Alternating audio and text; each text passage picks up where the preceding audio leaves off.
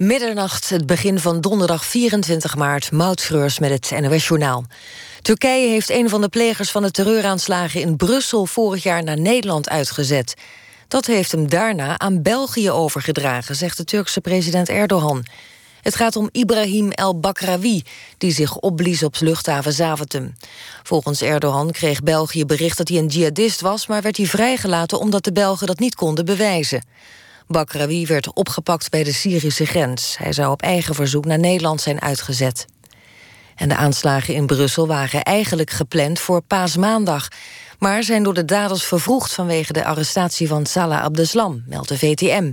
De terroristen zouden in paniek zijn geraakt toen ze hoorden dat Abdeslam mogelijk met de politie wilde praten.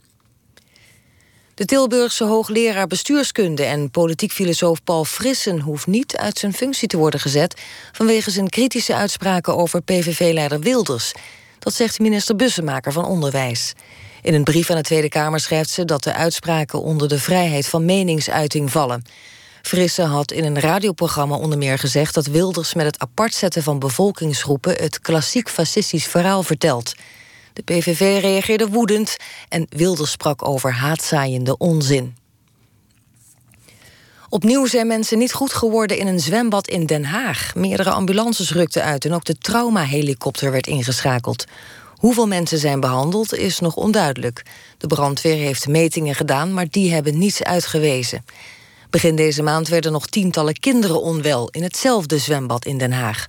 Ook toen brachten metingen niets aan het licht.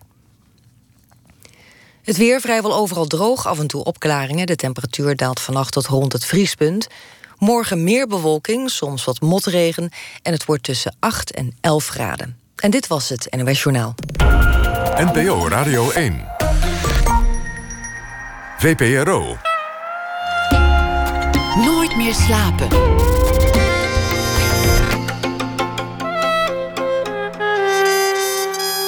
Met Pieter van der Wielen. Goedenacht en welkom bij Nooit meer slapen. Macbeth als leider aan een posttraumatische stressstoornis. Dat is wat er gebeurt in de versie van schrijver Jamal Uriachi. Een gesprek met hem na één uur. Dan ook een gesprek met Alex Bakker over Transit Havana. Een film die transgenders volgt op Cuba in verschillende fases van de geslachtsverandering. De film werd afgelopen weekende onderscheiden. We beginnen met Luc Perceval. Het jaar van de kreeft, een toneelstuk naar de gelijknamige roman van Hugo Claus. Over een liefde die maar niet uit de verf wil komen, maar die ook niet slijt. Over de duistere kant van de liefde. En over seksueel verlangen, bevrijding en vooral seksueel onvermogen. Luc Perceval regisseert het stuk, gaat zaterdag in première bij toneelgroep Amsterdam. Perceval werd geboren in 1957 in Lommel in Belgisch Limburg. Maakte furoren in het theater in België met zijn Blauwe Maandag Theater en met Ten Oorlog.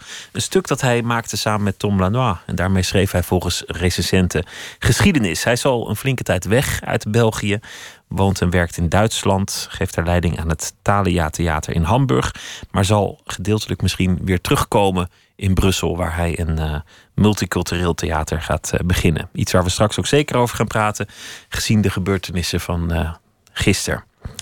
Ik wil beginnen met, met iets heel anders. Ik, ik, kwam een gedicht tegen, een, een gedicht Déjeuner du matin van Jacques Prévert.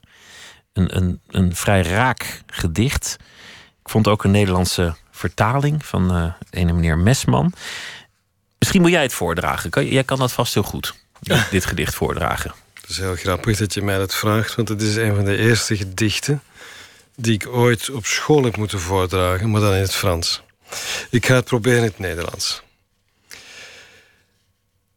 Hij heeft het kopje. Hij heeft het kopje koffie ingeschonken. Hij heeft de melk in de koffie gedaan. Hij heeft de suiker in de koffie gedaan met het lepeltje. Hij heeft geroerd. Hij heeft de koffie opgedronken en het kopje neergezet, zonder mij iets te zeggen. Hij heeft een sigaret opgestoken. Hij heeft kringetjes geblazen met de rook. Hij heeft de as in de asbak gedaan, zonder mij aan te spreken of aan te kijken. Hij is opgestaan. Hij heeft zijn hoed opgezet. Hij heeft zijn regenjas aangetrokken omdat het regende. En hij is vertrokken in de regen, zonder een woord, zonder een blik. En ik heb mijn hoofd in mijn handen genomen en gehuild. Een prachtig gedicht, vind ik. Heel mooi, ja. Die, die alledaagsheid van de koffie en, en het lepeltje en dan de, de conclusie. Je zei, dit is het eerste gedicht of een van de eerste gedichten die ik ooit op school heb voorgedragen. Ja, Was dat een bepalend moment toen, je- toen je voor het eerst dingen ging voordragen? ja dat, was, dat was absoluut bepalend. Want ik wilde helemaal... eh, mijn hoofd stond niet naar, zeg maar, theater. Eh, ik wilde op dat moment dat ik dat gedicht op school moest voordragen... dan wa- was ik eigenlijk mijn grote droom voetballer te worden bij Real Madrid. Iets heel anders. Iets helemaal anders. Maar En ook ik- met publiek. maar ook met publiek. En ik voetbalde ook op dat moment. Dus eh, dat was eigenlijk een heel concrete droom. Eh, maar mijn moeder die schreef gedichten. En eh, op school moesten we dus voor eh, de les Frans dit gedicht. Déjeuner du matin van Jacques Prévert voordragen. En mijn moeder heeft me toen eigenlijk bijgebracht hoe je een tekst moet denken en moet zien.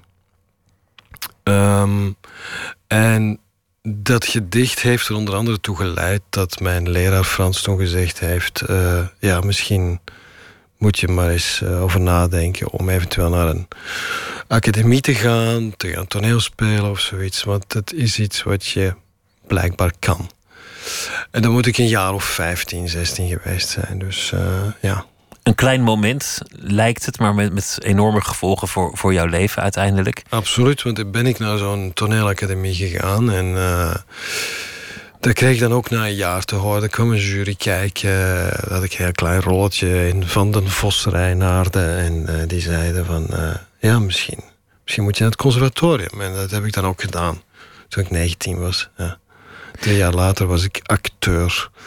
En werd ik geëngageerd door de Koninklijke Nederlandse Schouwburg, waar ik dan vijf jaar later ben gaan lopen, omdat het zo vreselijk was. Ja. En toch nog goed gekomen met de theatercarrière. Je stamde uit een familie van schippers. Ja. Onder meer je ouders hebben ook een, een eh, café gehad. En wat ik las is dat er onderweg eh, een, een grote tragische gebeurtenis... een boot is gezonken.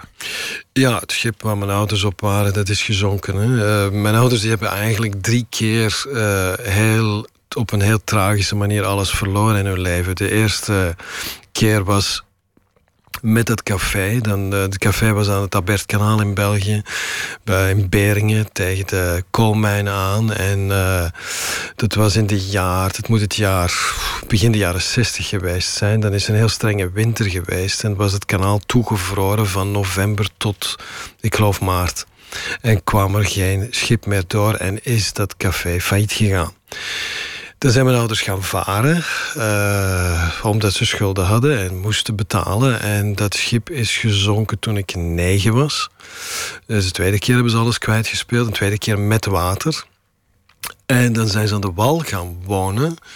En hadden ze het ongeluk om in een, een, een huisje te huren dat eigenlijk lager lag als de straat. En de dag voor we moesten verhuizen is die straat overstroomd geweest en ook dat huis. Dus ze hebben eigenlijk drie keer, want de meubels waren al opgeslagen in dat huis, alles verloren. En eh, ja, dat is heel bepaald geweest. Water is heel bepaald voor mijn leven. Ik heb ook heel veel stukken gemaakt over water, eigenlijk. En wat heeft het veranderd dat ze drie keer alles zijn verloren? Wat he- hoe heeft dat jouw ouders eh, veranderd? Eh, dat heeft het huwelijk van mijn ouders niet makkelijker gemaakt. Om te, om, pff, ja, eigenlijk om te zeggen, het heeft het eerder moeilijker gemaakt. Mijn ouders hebben dat eigenlijk niet, zijn het nooit te boven gekomen en zijn daardoor, ehm, zal ik zeggen, eh, hebben die tegenslag nooit kunnen verwerken. En eh, uiteindelijk is het ook op een echtscheiding uitgelopen, maar zijn daardoor eigenlijk heel getekend geweest door het leven. En hebben de financiële tegenslag, want dat was de ene financiële tegenslag na de andere, eh, zijn die eigenlijk niet te boven gekomen. En dat heeft dan ja, tot zeg maar, de nodige bitterheid en verwijten gevoerd. wat aan de ene kant ik zeg altijd, mijn bijgedragen heeft tot mijn inspiratie. Want daardoor ben ik opgegroeid in een hele theatrale familie. Ik heb uh, heel veel gezien en heel veel meegemaakt. Met Want ruzie en mot en ongezelligheid is ook theater. Ja, uiteraard. uiteraard. En uh, dat had ook heel veel humor. Dat had niet alleen een tragische kant. Maar uh, ja, wat natuurlijk diep tragisch was aan dat hele gegeven... is dat zij zoveel tegenslag gehad, ge, gehad hebben in hun leven... dat ze dat op een gegeven moment mentaal niet meer aankonden. En daardoor dat huwelijk ook niet, uh, niet stand kon houden. Het gedicht van, van Jacques Prévert, de, of de tekst... Hij schenkt de koffie in het kopje. Hij doet melk bij die koffie. Dan doet hij suiker, dan roert hij. Mm. Hij heeft niks tegen me gezegd. Mm. Regenjas aan, hoed op, de regen in, deur achter zich dicht. Niks tegen me gezegd. We weten niet wie de, de verteller is, maar ik, ik denk aan een zoon die zich afvraagt: wanneer ziet mijn vader me nou eens? Wanneer kijkt hij nou eens naar me? Ja, ik kan er ook van uitgaan. Het is een vrouw die haar man beschrijft. Het kan alles zijn. Ja. Ja. Keek jouw vader wel eens naar je? Zag hij jou nog staan? Ja, ik had een hele goede relatie met mijn vader. Hij is helaas ondertussen overleden, maar ik had een hele goede relatie met mijn vader. Het was iemand die met mij overal naartoe trok, naar de zesdaagse, naar de voetbal. Uh, het enige wat we niet bezochten was het theater eigenlijk. Maar het was iemand die veel las en die, die overigens een heel grote fan was van Hugo Claus. En een van de hoogtepunten die mijn vader uh, uh, heeft mogen meemaken is... ik heb in de jaren uh, begin de jaren 90 uh, heb ik de Meeuw geregisseerd in Brussel. Ik kwam Hugo Claus naar de première kijken en gaf als eerste staande ovatie. Dat was voor mijn vader zo... vond hij zo indrukwekkend dat hij meteen bewusteloos viel na de première. Van, dus, van pure trots en overweldiging. Ja, zo was dat, ja. ja. Dus, dus je had een goede band met je vader en, en ook een goede band met je moeder. Want die heeft je geleerd, zei je net, hoe je een tekst moet voelen en, en, en, invoelen. Maar je ouders waren met andere dingen bezig, gebroken, min of meer. Ja.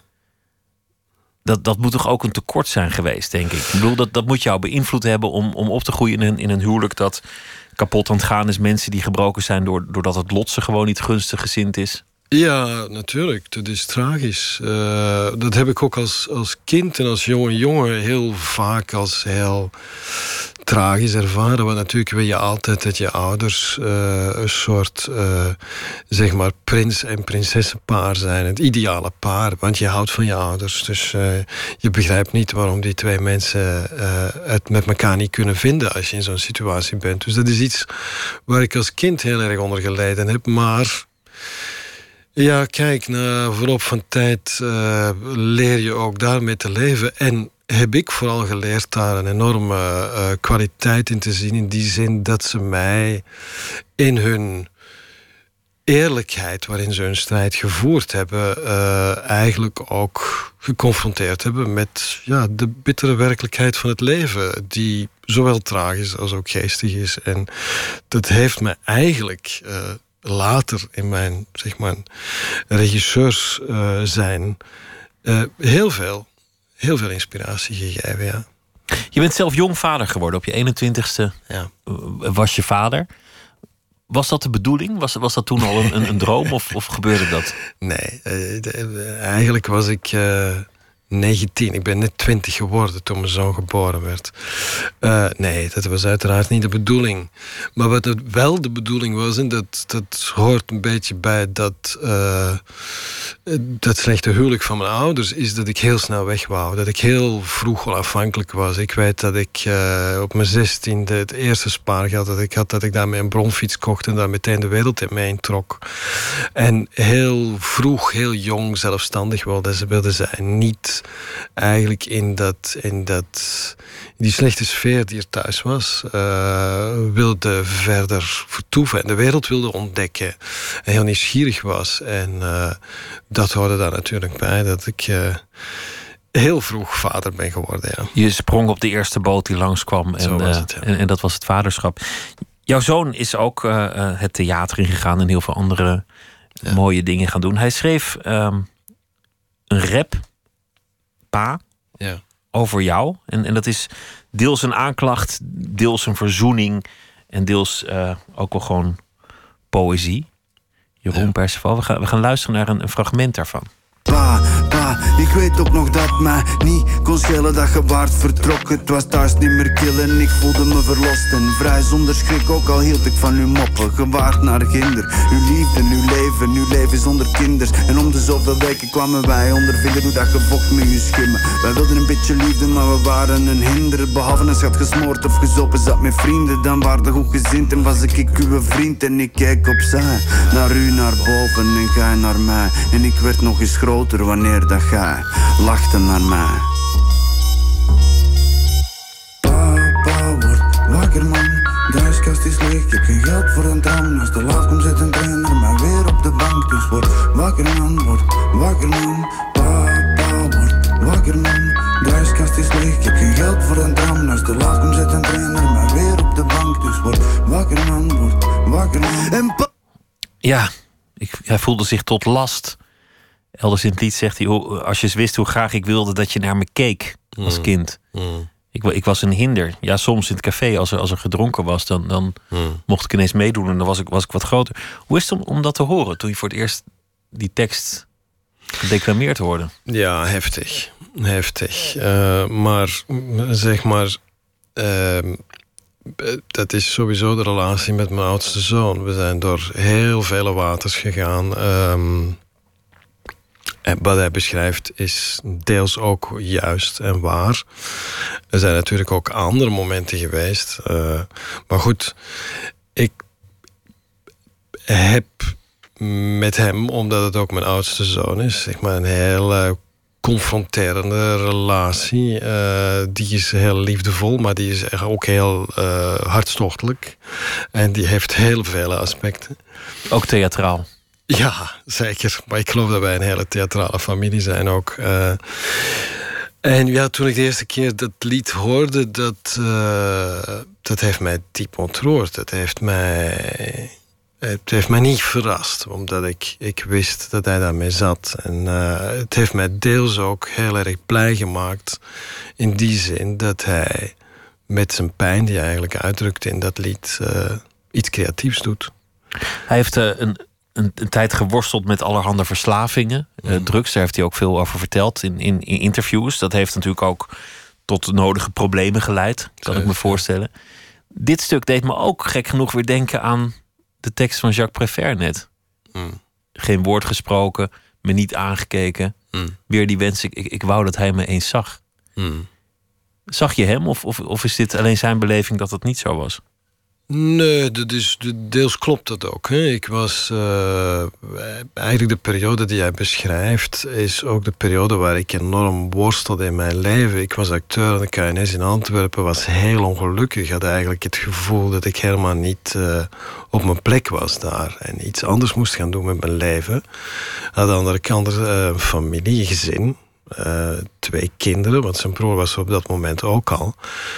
En ja, moest eh, nadenken en zoeken naar hoe kan ik en mijn gezin, in, mijn gezin eh, in, in, in leven houden. En eh, ervoor zorgen dat mijn kinderen naar school kunnen gaan. En zelf ook zeg maar ruimte vinden om mij artistiek uit te drukken. Want ik was eigenlijk heel ongelukkig met mijn acteursbestaan.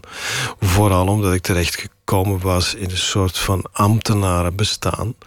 Eh, wat in die tijd de Koninklijke Nederlandse Schouwburg was, waar eigenlijk helemaal geen sprake was van zeg maar, creativiteit laten staan voor iemand die daar hele eigen ideeën, zoals ik, op nahield. Dus Het was eind jaren zeventig, je, je was jong. ja, ik was het al in de jaren tachtig, het begin van de jaren tachtig, ja. En ik, ja, uiteraard, ik was jong. En, en wat bij mij altijd een enorme rol gespeeld heeft, is dat ik voelde, ik wist niet dat eh, wat ik wou, maar ik voelde wel dat dat waar ik in stak, dat dat niet klopte, dat, het, dat ik daaruit wou.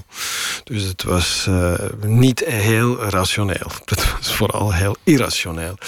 Dus op een gegeven moment heb ik ook eh, die zekerheid van, die, van dat gezelschap, dat Nationaal Toneel in Antwerpen verlaten en ben ik op mezelf begonnen met de Blauwe Maandag Compagnie, zonder subsidie. Beginnen regisseren, terwijl ik helemaal niet naar de regieschool was gegaan. Dus ik had, ik had een soort van stoer en drang in mij. De anekdote is altijd dat Blauwe Maandag Theater ervan kwam... dat, dat de collega's achter je rug om snoefden van... dat duurt maar een Blauwe Maandag, dat Ja, theater. Ja, ja, dat was zo. Dus in het begin, ik ging weg in de jaren tachtig... toen de eerste keer de oliecrisis uitbrak... en iedereen zei, nu moet je alles aan doen om je vaste stek te behouden... want anders ga je binnenkort uh, in armoede eindigen. Uh, op dat moment zei ik, nee, ik, uh, ik ben ongelukkig. En ik, ik wist, ik had een contract. Ik kon daar eigenlijk blijven tot het einde van mijn dagen. Maar ik had daar geen zin in, want ik was toen al zo ongelukkig. En dat had inderdaad ook zijn repercussies op mijn zeg maar, uh, hoe ik in het leven stond en, en hoe ik thuis was en weg wou eigenlijk. Eigenlijk iets anders wou. Ja. Nog steeds weg wou. Je wilde eerst weg van dat gezin en toen ja. had je zelf een gezin en toen wilde je ook weer weg. Was er niet tegen opgewassen. Je droom was het theater. Die had je verwezenlijkt, maar het maakte je niet gelukkig. Het lukte niet. Nee. Je, je voelde onrust.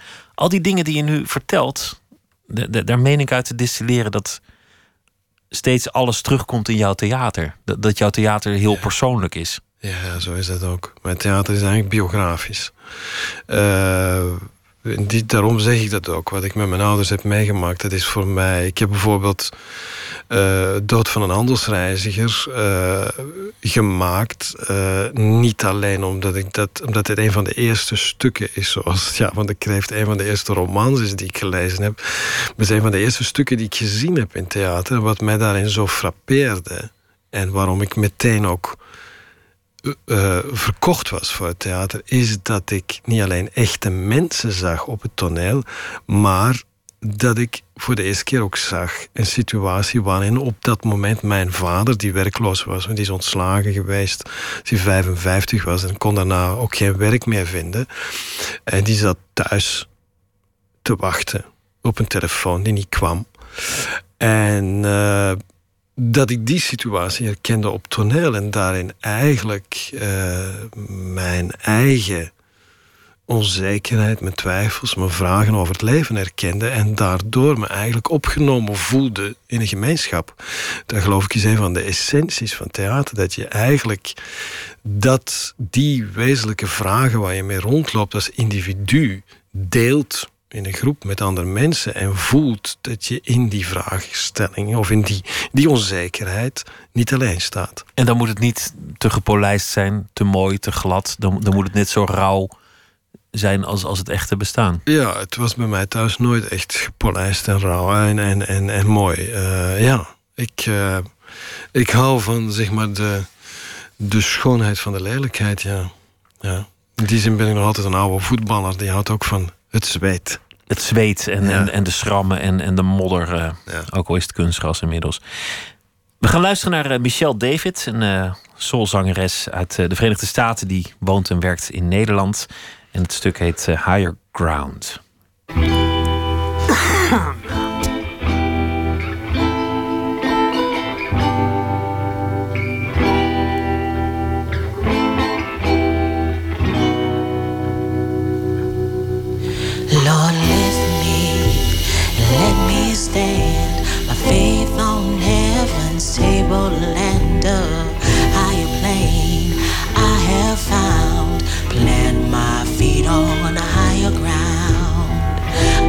I'm on the upward way. New heights I'm gaining every day, still praying as I'm onward bound. My plant my feet on higher ground. My heart has no desire to stay where doubt arises and fears dismay. Though some may dwell where those are bound, my prayer, my aim is higher ground. Lord, let me stand. My faith on heaven's table and a higher plane. I have found, plant my feet on a higher ground. Lord, lift me and let me stand. My faith on heaven's table and a higher plane. I have found, plant my feet on a higher ground. I want to live above the world, though Satan darts at me are hurled. For faith has caught the joyful sound, the songs of saints on higher ground. I want to scale the utmost high and catch a gleam of glory bright, but Still I pray to heaven I found. Lord, plant my feet on higher let me stand. My faith on heaven's table and a higher plane I have found. Plant my feet on a higher ground. Lord, lift me and let me stand. My faith on heaven's table and a higher plane I have found. Plant my feet on a higher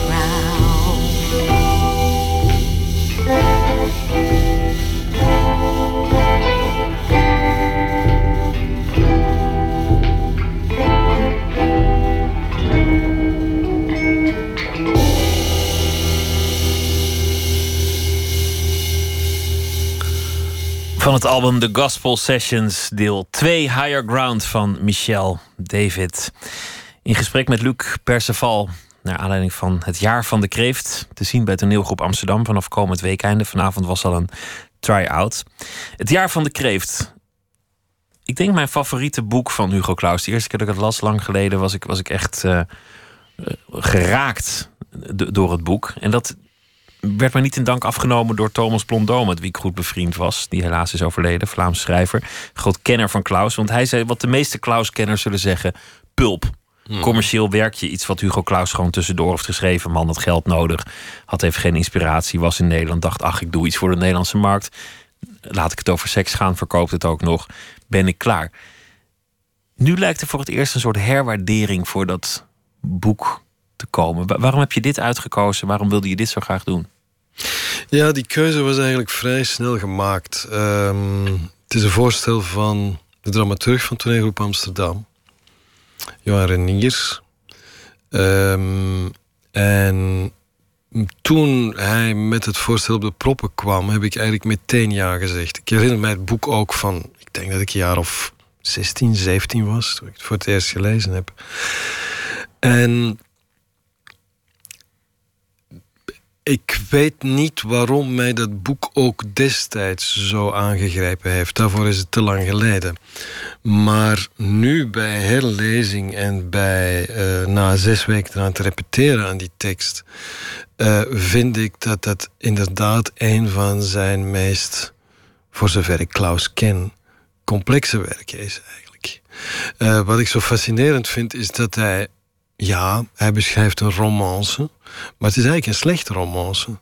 Wat ze hebben, het is een affaire, maar ze hebben slechte seks de hele tijd. En ondanks die slechte seks uh, zijn die twee mensen onafscheidelijk, uh, zijn op een irrationele manier tot elkaar aangetrokken en zoeken iets, maar je weet niet wat.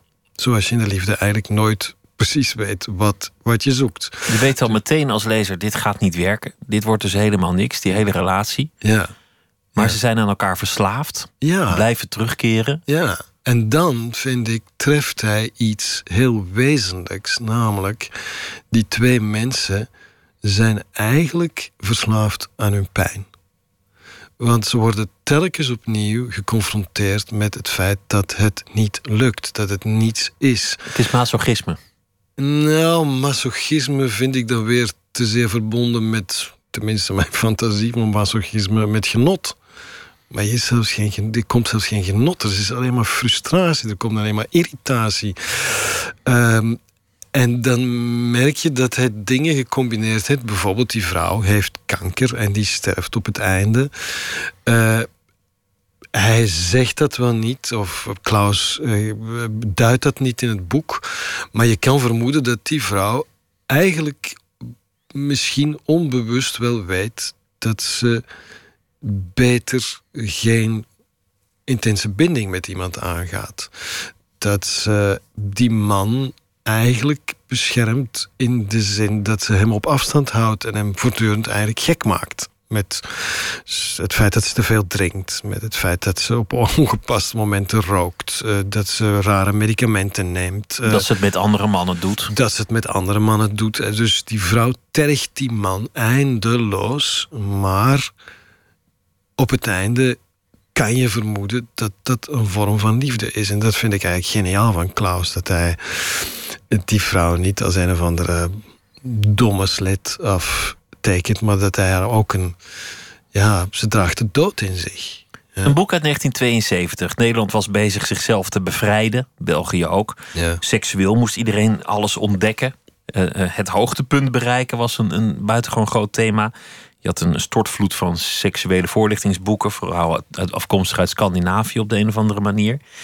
En een ander boek was een paar jaar geleden, of een paar jaar daarvoor, verschenen, namelijk Turks Fruit van Jan Wolkers. Ja. Bijna hetzelfde verhaal, maar in een hele andere sfeer. Ja. Dat is waarschijnlijk ook de reden waarom het boek van Klaus terzijde werd geschoven. Dat mensen dachten, ja, dit lijkt wel heel erg op die Wolkers. Ja, maar met dat grote verschil dat je bij Wolkers natuurlijk een paar ziet dat volledig opgaat in elkaar en zo'n seksuele vreugde beleeft, dat ik uh, Klaus ironie kennende waarschijnlijk vermoed dat hij met bewust eigenlijk het, een, een, een antipaar heeft geschreven uh, op het, het, het uh, Turks fruitpaar van Wolkers. Ja. Hij wilde de duistere kant. Hij wilde ja. juist in die tijd waarin iedereen zichzelf bevrijdde een, een stel portretteren waarbij het niet lukte. Ja. Dan uh, hier is bijvoorbeeld een passage. Zij jutte zichzelf koppig op tot ze bijna met verbeterheid of vlakbij wanhoop haar hoogtepunt bereikte. Elke keer was hij trots, blij alsof hij een doelpunt had gescoord. Als je het voelt komen, zei hij, moet je mij een seintje geven. Waarom? Dan kom ik ook, samen met jou. Nou, dat zou me afleiden, zei ze. Ik ben zo druk met mezelf bezig. Nou, roep dan, als het komt. Hoera, een goal. Nee, zei ze. Overigens moet ik helemaal niet aan jou denken, want ik heb gemerkt dat het dan veel makkelijker komt. Ja. Zoveel wrangheid en, en ook zoveel humor plezier en, ja. en, en, humor in, ja. in dat boek. Ik ben naar de, de repetitie wezen kijken. Het decor, dat, dat mag ik wel verklappen, dat zijn opblaaspoppen. Mm -hmm. met, met enorme vallussen, maar dan ter hoogte van de navel. Ik weet niet of dat een fabrikagefout was of wat, wat daar aan de hand was. Gijs Scholte van Aschat um, en Maria Kraakman, die, dat zijn de twee acteurs. Ja. Het, uh, het kindje van, van de vrouw wordt verbeeld in de vorm van een fietsje dat aanwezig is. Hoe breng jij die pijn over op een podium? Want het is natuurlijk een kunstmatige setting. De zaal zit vol. Er staan twee mensen op het podium. En jij wil dat het rauw is, dat het echt is. Ja, ik ben vooral. Uh, zijn mijn eerste gedachten als ik. Uh, ja, mij geprobeerd heb te overleggen wat, wat, wat voor een concept heeft er zoiets nodig, uh, was ik overtuigd dat je eigenlijk weg moet komen van Amsterdam in de jaren 70. Dat dat een grote valkuil zou zijn. Dan kom je in een soort folklorisme terecht. Uh, wat ik denk, wat misschien een paar minuten geestig is. Uh, de olifantenpijpen en de, de, de, onwaarschijnlijke mode die in die tijd gedragen werd, bedoel ik daarmee. Maar in essentie gaat het over iets anders. Dus dat wou ik vermijden. En in de zoektocht naar een dimensie waardoor je zeg maar, die anekdotiek kan overslaan, dat, dat, dat uh, realisme die bij dit boek hoort, uh, kunt overslaan, ben ik op de muziek gestoten van uh, Jeroen van Veen. En die zit ook live in de voorstelling aan het klavier, wat repetitieve muziek is. Wat voor mij ook reminisceert aan de tijd Steve Reich en uh, uh, soorten, soortgelijke repetitieve muziek. Um, en die muziek die heeft voor mij meteen bij het lezen van het boek uh, en het parallel beluisteren van die muziek, die heeft voor mij meteen een, een dimensie geopend van ja, hoe moet ik dat benoemen? Melancholie is voor mij eigenlijk het beste woord. Want beide verlangen ontzettend naar een samen zijn, maar ze slagen er niet in. Het is bijna een dans. Bij, bij Vlaag is het bijna alsof je kijkt naar dans. Twee acteurs die elkaar lichamelijk aantrekken ja. en weer wegduwen. Die Ja. elkaar streken flikken. Die hun woede inslikken en denk ik neem straks wel wraak. Ja, Pak jou nog wel. Die genoegen beleven om de ander te vertellen. Ik heb met eh, Henk of Jaap of Kees geneukt. Lekker Ja. dat het was. En Ja. de ander die zegt, oh wat leuk voor je. Ja. Maar lichamelijk is het heel erg een dans. Hoe voorkom je met die humor erin dat, dat, dat ze voor het publiek gaan spelen? Waardoor het rauwe ver- verdwijnt. Ja, excuseer. Eh, ik zou het niet een dans noemen en ik geloof dat dat een deel van het antwoord is. Ehm, het, het is voor mij eerder een gevecht. Het zijn. ehm, omdat ik dat ook zo present vind in de tekst. Het zijn eigenlijk twee mensen die op een verwoede manier proberen vrede te vinden met elkaar. En die vrede niet vinden en daardoor nog verwoeder gaan drinken, gaan dansen, gaan excessief leven, eh, eh, niet slapen, eh, op, een, op, een, op een bezeten manier eigenlijk op zoek zijn naar een catharsis. En die catharsis, dat zou dan hun seksuele beleving, zou een orgasme moeten zijn. Dat kunnen ze niet bereiken. En dat heeft mij toe aangezet te zoeken naar dat verwoed, vechtend zoeken naar een uitweg eh, naar een samen zijn. En daardoor is het, ja, zou je kunnen zeggen, dans, maar ik vind het eerder een gevecht. Eh, de repetitie die jij gezien hebt, daar heb ik ook wel van gezegd: van kijk, we gaan nu niet volle gas gaan, want zaterdag hebben we nog een voorstelling. En het is voor de acteurs heel erg zwaar, omdat het zo fysiek is. Ehm maar, uh, dus in die zin kan ik mij voorstellen dat jij de indruk had bij de repetitie: oh, het is een dans, omdat ze zich zeer gespaard hebben. Maar uh, vanavond hebben we voor de eerste keer voor het publiek gespeeld en zijn ze voluit gegaan. En dan zie je twee mensen met alles wat in hun vermogen ligt. Twee acteurs ook, met alles en twee zeer goede acteurs. Uh, met alles wat in hun vermogen ligt. En vrede vinden, zoeken bij elkaar. En um, dat is een heel soms absurd gevecht. Het lijkt soms op uh, ja, absurde acrobatie. Uh, en dat, dat is liefde vaak ook. Ja. Is ook absurde acrobatie. En soms lijkt het ook naar, uh, ja, hoe moet je zeggen, seksuele acrobatie, wat seks ook vaak is. Uh, hij beschrijft op een gegeven moment dat hij boeken koopt uit wanhoop, omdat hij niet weet hoe hij die vrouw moet bevredigen. En uh, te raden gaat in allerlei soorten handboeken. En ook helemaal niet verder komt met alle kneepjes en alle kunstjes die hem in dat boek worden uitgelegd. En uh, ja, dat heeft iets, heeft iets heel absurds. Ook hoe ze dat dan omzetten, fysiek op toneel. Uh, in een soort wedstrijd, een scoringsdrift. Ja, ja. Goal roepen als je, als je hebt ja. gescoord bij de ander, om, omdat hij kronkelend klaarkomt.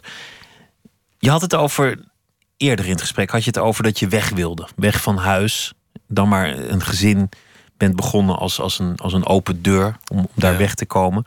Het theater in, weg willen komen, altijd vluchten. Dat is ook, dat is ook een thema hierin, in de liefde. Je wilt thuiskomen bij die ander, maar dat, dat, je weet al dat het niet gaat lukken. En eigenlijk wil je misschien vooral wegkomen bij iets anders. Ben je daar, ben je daar zelf ooit verder in gekomen? In, in de liefde? Um, dat is moeilijk te zeggen natuurlijk van jezelf. Maar ik geloof het wel, ja, dat ik, daar, dat er verder in gekomen ben. Ik ben ook alsmaar verder weggegaan. In die zin dat ik uiteindelijk nu 16 jaar in Duitsland woon en werk. Dus ik ben altijd verder weg van mijn homestay, uh, van mijn familie, uh, van mijn vrienden zelfs. Want ik heb voordien in Antwerpen uh, 21 jaar gewerkt met oh, lesgegeven. Dus ik ken heel veel mensen in Antwerpen, heel veel acteurs. Ik heb een heel grote theaterfamilie in Antwerpen. Die heb ik helemaal achter mij gelaten. Ben uit Duitsland getrokken. Dus ja, dat, dat voortdurend blijven zoeken en dat vooral zoeken naar. En dat is altijd voor mij uh, uh, richtinggevend geweest naar een gevoel van vrijheid. Wat niet wil zeggen dat ik uh, voortdurend alles moet willen kunnen. Uh, dat, dat, is voor mij niet vrijheid. De vrijheid heeft veel meer met een mentale toestand te maken. Met mij niet verplicht voelen tot dingen. Mij niet uh, gevangen voelen. Dat is, daar gaat het eigenlijk over. En dat gevoel van vrijheid is wel iets wat ik met ouder worden voor mezelf beter heb begrepen en ook heb kunnen realiseren. Ik geloof namelijk, en dat, dat, dat is ook een van de tragische punten van de personages in uh, het jaar van de kreeft, dat dat heel veel te maken heeft ook met het accepteren dat ja, je uiteindelijk voortdurend op zoek bent naar niet-eenzaamheid dat eigenlijk de eenzaamheid in je leven iets is waar je eigenlijk voortdurend van weg wil. Je bent op zoek naar een, naar een partner die, dat, uh, die die illusie of die, die, die je die illusie geeft. Dat je niet eenzaam uh, bent. Dat je niet eenzaam bent, maar in wezen ben je altijd alleen, ook met z'n twee. Maar durf jij te zeggen over, over je geliefde, dit is de liefde van mijn leven? Uh, op het moment dat ik dat zeg, wel ja. En dat heb ik een paar keer gezegd in mijn leven, ja. Maar daar zit dan al een soort voorbehoud in. Zoals je, zoals je het niet eenzaam zijn ook een illusie vindt. Dus ergens ben je toch een realist geworden daarin. Nee, want, uh, of ik ga het anders zeggen. Wat ik ondertussen ook geleerd heb, is dat het leven dagelijks met de minuut, met de seconde verandert en in beweging is. Dat wil zeggen ook de liefde. Dus het is ook, vind ik, een, een, een fout, uh, begrip, fout begrip te geloven dat je, als je dan die liefde van je leven vindt, dat dat dan ook de liefde voor je, voor je leven is. Uh, er kan van alles gebeuren en uh, de liefde kan ook zoveel vormen aannemen. Dat is ook iets wat ik geleerd heb in al die jaren. Ik heb met een aantal vrouwen heel trouw en lang samengeleefd. En we zijn gelukkiglijk hele goede vrienden nu. Maar ik had nooit durven dromen in de tijd dat we samen leefden, dat we nu een andere vorm van liefde zouden vinden in de manier waarop we met elkaar omgaan. Dus dat is ook een werkelijkheid. de liefde heeft vele gezichten en vele vormen. En we hebben heel vaak bang om die veranderende vorm van de liefde te accepteren. Maar het heeft ook heel veel met, je, met jezelf te maken, met je eigen uh, gesteldheid. Is het makkelijker nu, nu je rustiger bent? Nu, nu je meer gevonden hebt in je, in je werk, in, in andere dingen, dat je, dat je misschien niet meer zo op de vlucht bent als in je jonge jaren? Ik hoed mij om te zeggen dat het makkelijker is. Want het leven heeft mij al, al zo vaak zo ongenadig verrast. Uh, dat dat vind ik eerlijk gevaarlijk is te zeggen. Het is nu makkelijker. Makkelijk en liefde, dat gaat nou eenmaal niet, uh, ja. niet samen. We gaan luisteren naar uh, iemand die stierf op zijn 28ste, maar een uh, beroemde zoon uiteindelijk uh, voort zou brengen, namelijk Jeff Buckley. En ik heb het over zijn vader Tim Buckley. Ja. En het nummer dat we gaan luisteren heet Song to the Siren.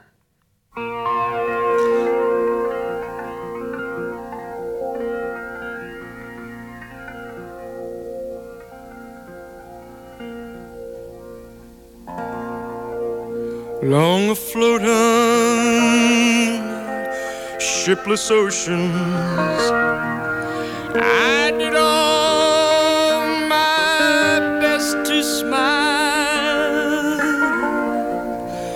till your singing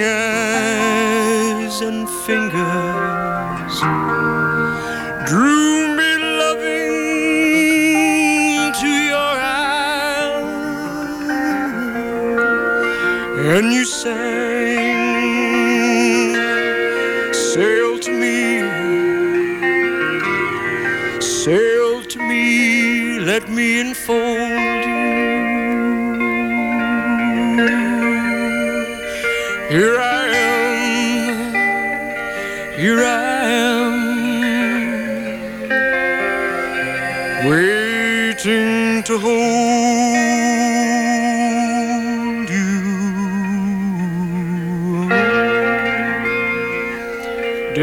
dream you dreamed about me?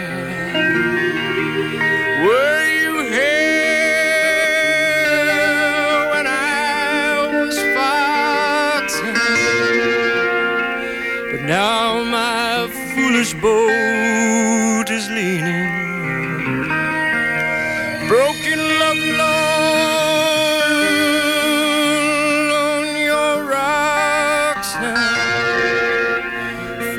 sing,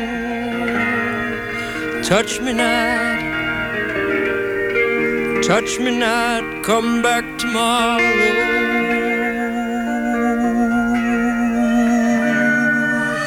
Oh my heart, oh my heart, shies from the sorrow.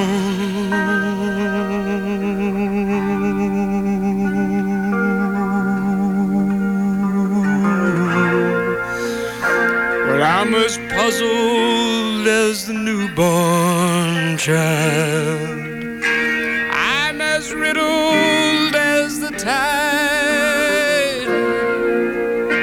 Should I stand amid the breakers? Or should I lie with death, my bride? Hear me sing, swim to me. Swim to me, let me enfold you. Here I am, here I am, waiting to hold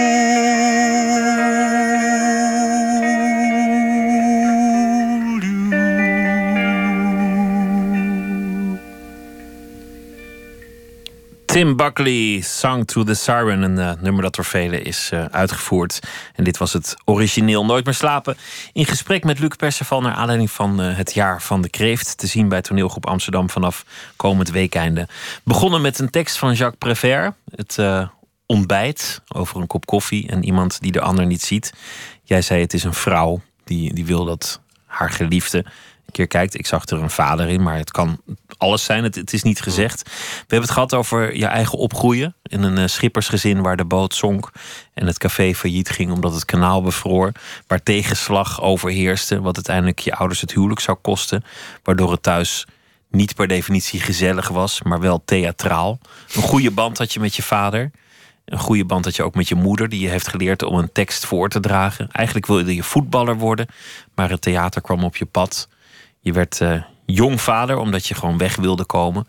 Dat heeft geleid tot eh, moeilijkheden met je zoon, die, die zelf ook eh, een onrustig karakter had, met verslavingen worstelde, later een rap zou maken over jou. Een aanklacht en een verzoening. Maar je zei het is uiteindelijk met veel omwegen en ook weer veel theater goed gekomen. Het heeft je veel gebracht, want in het theater wil je dat wat je hebt geleerd, namelijk het rauwe, het echte, brengen. Je wil dat het theater een plek is waar mensen zich deel voelen van iets groters, van een, van een gemeenschap, waar ze een gevoel krijgen voor datgene wat echt is. Dat rauwe, dat wil je zien. We hebben het ook over het jaar van de kreeft gehad. Dan ging het vooral over de liefde. Wat Hugo Claus laat zien. Dat geliefden elkaar zoeken, maar niet zullen vinden. Dat ze verslaafd zijn aan de pijn. Dat ze het zien als een wedstrijd. Dat ze hopen te winnen. En dat met de humor van Klaus over die seksuele bevrijding van zijn eigen tijd. En zo komen we in het heden. Je werkt nu nog in Duitsland, waar je al een aantal jaar een eh, theater eh, met succes bestiert. Af en toe doe je voorstellingen in België, af en toe doe je voorstellingen in Nederland. Maar een nieuw plan, dat komt op. En, en op een gek moment. Ja. Een beetje naar het voorbeeld van wat in Parijs heet Bouffe du Nord. Een, een, een theater in de moeilijke wijken. Of aan de rand van de moeilijke wijken. Theater voor allochtone groepen onder meer. Zoiets wilde jij al heel lang in Brussel doen. Ja. Wat Ja. was het plan? Ja, nou, het voorbeeld van eigenlijk Boef du Nord, eh, wat onder impuls van eh, Pieter Broek, zeg maar tussen de jaren 70 en 90, eh, heel veel furoren gemaakt heeft. eh, waar hij eigenlijk met acteurs vanuit alle windrichtingen, die niet per se allemaal van een blanke theaterschool kwamen, eh, groot repertoire gespeeld heeft en, en prachtige voorstellingen ook gemaakt heeft. Eh, memorale is de, memorabele is de Mahabharata. En Pieter Broek is ondertussen oud, eh, doet dat niet meer. Boef du Nord bestaat nog wel, maar is een soort van receptief centrum geworden op dit moment. En in Brussel komt in de KVS, de Koninklijke Vlaamse Schouwburg, die vernieuwd is en naar mijn gevoel eh, ook in een wijk ligt die heel problematisch is in Brussel. Eh, om de hoek bij het Klein Kasteeltje, waar heel veel ehm, vluchtelingen eh, vertoeven. Heel veel mensen op straat rondhangen. En eigenlijk is Brussel één grote stad. en een- ik noem het een European melting pot. Je krijgt daar een confrontatie van en aan de ene kant eurocraten, heel veel ambtenaren eh, die er werken, die niet per se in die stad wonen, die eh, meestal goed hun geld verdienen. Naast heel veel mensen die eigenlijk kansloos in die stad moeten proberen te overleven. Dus je hebt een ontzettend divers publiek. Je hebt niet alleen een, een divers publiek, maar je hebt ook ontzettend veel verschillende culturen in die stad. En het is eigenlijk een ironie dat in zo'n stad een schouwburg staat die de Koninklijke Vlaamse Schouwburg heet. Terwijl het niet per definitie een Vlaamse stad is. Zo is dat. En omdat er ook niet per definitie Vlamingen wonen in die stad, uh, dat is ook heel ironisch eraan dat die Vlamingen eigenlijk in de rand vertoeven. En daar ondertussen ook hun eigen culturele manifestaties hebben. Dus uh, nu wil het toeval dat vanaf uh, volgend seizoen daar een nieuwe artistiek leider komt, Michael de Kok, en die heeft mij gevraagd in die uh, Koninklijke Vlaamse Schouwburg een meerjarig project. Uh, wat een beetje mijn traditie is. Want ik heb vele jaren Blauwe Maandag Compagnie geleid. Daarna Toneelhuis. Uh, ik ben nu zelf ook bezig aan een uh, trilogie... aan de hand van novellen, romans van Émile Zola... die ik voor de Roertriennale voorbereid. Dus ehm, in die zin kwam die vraag bij mij van... ja, heb je eventueel zin om hier een project te starten... dat je over meerdere jaren kunt ontwikkelen... En voor mij was dat eigenlijk uh, gevoelensfressen in die zin dat dat tegemoet komt aan een diepe verzuchting die ik ondertussen na zeg maar 33 jaar burgerlijk toneel, dat is het. Ik ben begonnen in de Koninklijke Nederlandse Schouwburg. Uh, heb daarna weliswaar 14 jaar met de Blauwe Maandag Compagnie het hele land afgereisd en uh, uh, ben daar, heb daarna de, de, die, die Koninklijke Nederlandse Schouwburg tot toneelhuis omgevormd. Maar dat is, en zoals nu in Duitsland, je, op een gegeven moment bedien je eigenlijk een publiek van ingewijden die de weg naar het theater al lang gevonden hebben. En je hebt op dat moment, of ik heb al geruime tijd eigenlijk het gevoel, het is eigenlijk prediken voor eigen kerk. Wat we je doen. bent onder elkaar. We ja. weten het eigenlijk allemaal wel. Zo is het. Zo is en, het. en dan maak je misschien geëngageerd theater over het heden met belangrijke vragen en kwesties en, en een prachtige voorstelling, maar je bereikt geen mensen die het echt nodig hebben, want iedereen weet wel hoe het zit. Zo is het. En het is mijn verzuchting, zoals ik zei, een manier te vinden om in een stad als Brussel uh, de deuren van een theater open te zetten en te zeggen: kijk, dit is een plek voor iedereen. Ik weet dat dat geen gemakkelijke opgave is. En ik heb dat deels ook, uh, toen ik artistiek leider was van het toneelhuis in Antwerpen, hebben we dat deels ook geprobeerd. Maar ik geloof, achteraf daarop terugblikkend, niet offensief genoeg. Maar uh, het is makkelijk om hier cynisch over te doen. Uh, Brussel, in, in, in mei 2014 was, was de eerste aanslag in Brussel op het, op het Joods Museum. Toen wist ineens iedereen het. Als je het daarvoor had gezegd, dan, dan was je waarschijnlijk voor cynisch en hardvochtig uh, versleten. Maar toen wist iedereen, deze stad heeft grote problemen. Ja. Deze stad is ontwricht. Niet iedereen heeft het beste met elkaar voor. November in Parijs. De daders die kwamen voor een groot deel uit Brussel. Nou ja, en dan de gebeurtenissen van gisteren. Mm -hmm. In zo'n situatie waarin, waarin de, de staat eigenlijk geen, geen greep meer heeft op, op de eigen wijken. Waarin, waarin de haat zegeviert. Om dan te komen met een theater. Mm -hmm. Het zou makkelijk zijn om cynisch te zijn en zeggen: Nou, misschien he, heeft de wijk andere dingen aan het hoofd dan een voorstelling. Ja, uiteraard is, is theater een druppel. Ja, een druppel op een hete plaat.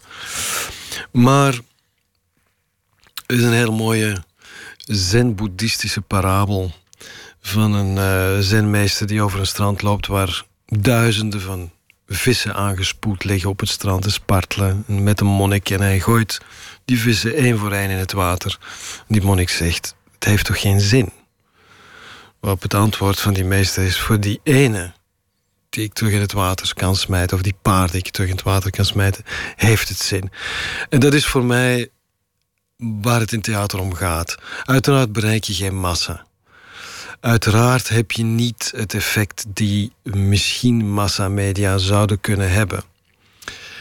Uh, maar het individuele effect dat je hebt, kan een leven veranderen kan een groot effect hebben. Je hoopt iemand te bereiken die daar in die wijk opgroeit in, in, in omstandigheden of die perspectief zoekt. Wat is er volgens jou aan de hand? Want jij wilt theater maken voor, voor, voor mensen in die wijken, in die omgevingen. Hoe zou je, zou je dat schetsen? Dat, dat, dat nieuwe publiek dat jij hoopt te bereiken, de mensen met wie je dat hoopt te gaan maken? Kijk, ik wil mij hier niet afschilderen als uh, iemand die weet wat er met Brussel aan de hand is. Maar. Er zijn er al genoeg van deze dagen. Daar zijn er deze dagen genoeg van. En die weten beslist ook beter dan ik wat er in Brussel aan de hand is. Alleen geloof ik dat in een verscheurd land als België en in een verscheurde stad als Brussel er een groot probleem is aan identiteit. En nu is het precies dat wat het theater doet. Bedoel, je identificeert je niet alleen met een figuur of een personage op de scène. Je identificeert je ook met een huis, met een gezelschap. En als een theater erin slaagt een mensen van een stad zich thuis laten voelen, zich te identificeren met zo'n theater, dan is dat al een stap in de goede richting. Want dan voel je je inderdaad opgenomen in een gemeenschap en heb je niet het gevoel dat je als individu niet gezien wordt en bommen moet gaan gooien om aandacht te krijgen. Om ertoe te doen, om, om je leven uh, betekenis te geven. Zo is het. Zo is het. Is dit eigenlijk waar alles bij elkaar komt? Je, je eigen afkomst, je eigen uh, opgroeien in een gezin waar het moeilijk was, je eigen fascinatie voor theater, de, de heftige drang die je had en de ontevredenheid die je in het begin voelde bij het theater? Het is zeker een symbolische cirkel die zich sluit. Want ik ben als zesjarige, uh, was mijn eerste internaat, mijn eerste schipperschool was in Brussel. En daar ben ik ook gaan lopen als zesjarige. Uh, omdat die school vreselijk was. Omdat onder andere ik toen al, en dat heb ik later ook gehoord van uh, andere jongeren in die stad dat ze met hetzelfde probleem geworsteld hebben. Ik als kleine Vlaming uh, les kreeg in het Frans en geen woord verstond. Geen woord. En mij compleet verloren voelde in die wereld. Dus ik kan me heel goed voorstellen dat als je als kind van één school naar de andere gestuurd wordt in Brussel. Uh, en je nergens het gevoel hebt dat jij dat eigenlijk jouw taal, of dat men de moeite doet om jouw taal te spreken of jou aan te spreken, uh, en je het gevoel geeft dat het er ook toe doet wie je bent en dat je ook iets kan bereiken, uh, dan kan ik mij zeer goed voorstellen dat die stad uh, hele negatieve gevoelens oproept. Ja. Het is een decor voor nihilisme, een stad waarin je makkelijk verloren raakt. Ja, zo is het. Maar tegelijkertijd is het ook een voedingsbodem voor de kunst, geloof ik. En uh, kijk, ik geloof niet dat het probleem waar we op dit moment mee geconfronteerd worden, het zogezegde IS, en ik noem dat zogezegd omdat ik, ik word heel kwaad over het feit dat daar uh, zo mistig over gedaan wordt. Dat we niet weten wie daar eigenlijk achter zit, waar die geldstromen eigenlijk vandaan komen. Dat eigenlijk voortdurend ons wordt voorgehouden dat het gaat over een paar criminelen die op een zolder in Brussel spijkerbommen maken. Dat geloof ik niet. Daarvoor is het uh, te goed georganiseerd. Um, dus ik geloof niet dat we dat probleem oplossen met nog meer bommen en nog meer geweld. Daar geloof ik niet aan. Dus uh, het is onder andere aan ons kunstenaars en dus aan mezelf om te kijken wat kan ik doen wat kan ik effectief doen? En als mij die kans geboden wordt in Brussel om iets te doen, dan wil ik dat graag proberen. Ook al lijkt dat Don Quixote werk, ja. Ik wens je heel veel uh, succes met dat, dat, nieuwe project. En eerst met uh, het Jaar van de Kreeft. Dat zaterdag in première gaat in Amsterdam bij toneelgroep Amsterdam. Luc Perceval, dank je wel. Ik dank u. Zometeen uh, gaan we verder met Nooit meer slapen. Met uh, onder meer de vraag: wat kunnen kunstenaars eigenlijk doen om uh, de verslagenheid en de woede na een terreuraanslag vorm te geven? En levert dat eigenlijk wel mooie dingen op? Daniel D. zal de voorbije dag samenvatten. Dat doet hij deze week elke dag. En we gaan het hebben over Transit Havana, een documentaire over transgenders op Cuba. Alex Bakker die komt langs. Hij is een van de makers daarvan. Twitter, het VPRO NMS of op Facebook. En u kunt ons ook podcasten via iTunes of de site van de VPRO. vpro.nl slash nooit meer slapen.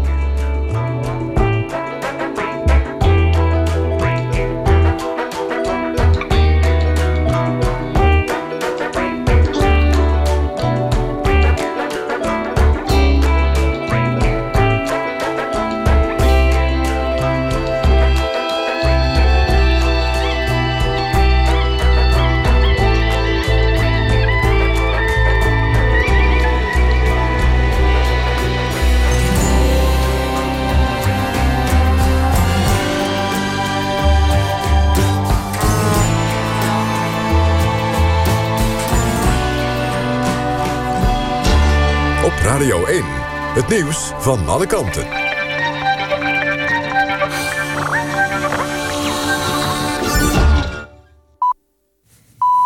Het is 1 uur Moutschreurs met het NOS Journaal. Het ministerie van Veiligheid en Justitie onderzoekt of Turkije... een van de plegers van de terreuraanslagen in Brussel heeft uitgezet naar Nederland... zoals de Turkse president Erdogan beweert. Het gaat om Ibrahim El-Bakrawi, die zich opblies op luchthaven Zaventem. Hij werd vorig jaar opgepakt bij de Syrische grens. Hij zou op eigen verzoek naar Nederland zijn uitgezet... en daarna zijn overgedragen aan België. Volgens Erdogan zijn Nederland en België gewaarschuwd... dat de man een jihadstrijder was. De komende dag debatteert de Tweede Kamer over de aanslagen in Brussel. Die waren eigenlijk gepland voor paasmaandag... maar zijn door de daders vervroegd vanwege de arrestatie van Salah Abdeslam, meldt de VTM. De terroristen zouden in paniek zijn geraakt toen ze hoorden dat Abdeslam mogelijk met de politie wilde praten. Hulporganisatie Save the Children stopt meteen met alle hulp op Lesbos en andere Griekse eilanden. Het gebeurt uit protest tegen het vastzetten van vluchtelingen in detentiecentra. Artsen zonder Grenzen trok zich afgelopen dag om dezelfde reden terug, net als VN-vluchtelingenorganisatie UNHCR. De hulporganisaties zeggen dat het vastzetten van kinderen en hun families een strijd is met internationale verdragen. De Tilburgse hoogleraar bestuurskunde en politiek filosoof Paul Frissen hoeft niet uit zijn functie te worden gezet vanwege zijn kritische uitspraken over PVV-leider Wilders. Dat zegt minister Bussemaker van Onderwijs. In een brief aan de Tweede Kamer schrijft ze dat de uitspraken onder de vrijheid van meningsuiting vallen. Frisse had in een radioprogramma onder meer gezegd dat Wilders met het apart zetten van bevolkingsgroepen het klassiek fascistische verhaal vertelt. Volkswagen roept wereldwijd 177.000 Passats terug. Mogelijk is een stekker niet goed aangesloten en kan de motor uitvallen. Het gaat om auto's uit 2014 en 2015. Hoeveel daarvan in Nederland rondrijden is niet bekend. Het weer opklaringen bij een graad of 4 in het noordoosten, temperaturen rond het vriespunt. Overdag zijn er veel wolken en er valt soms wat motregen. Het wordt tussen de 8 en 11 graden. En dit was het NOS Journaal. NPO Radio 1. VPRO. Nooit meer slapen.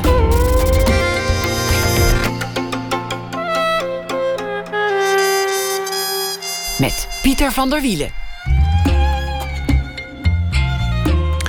Daniel D. debuteerde in 2002 als dichter. Had hij een bundel 3D-schetsjes van onvermogen. Daarna kwam een verhalenbundel Vrouwen en ik eerst.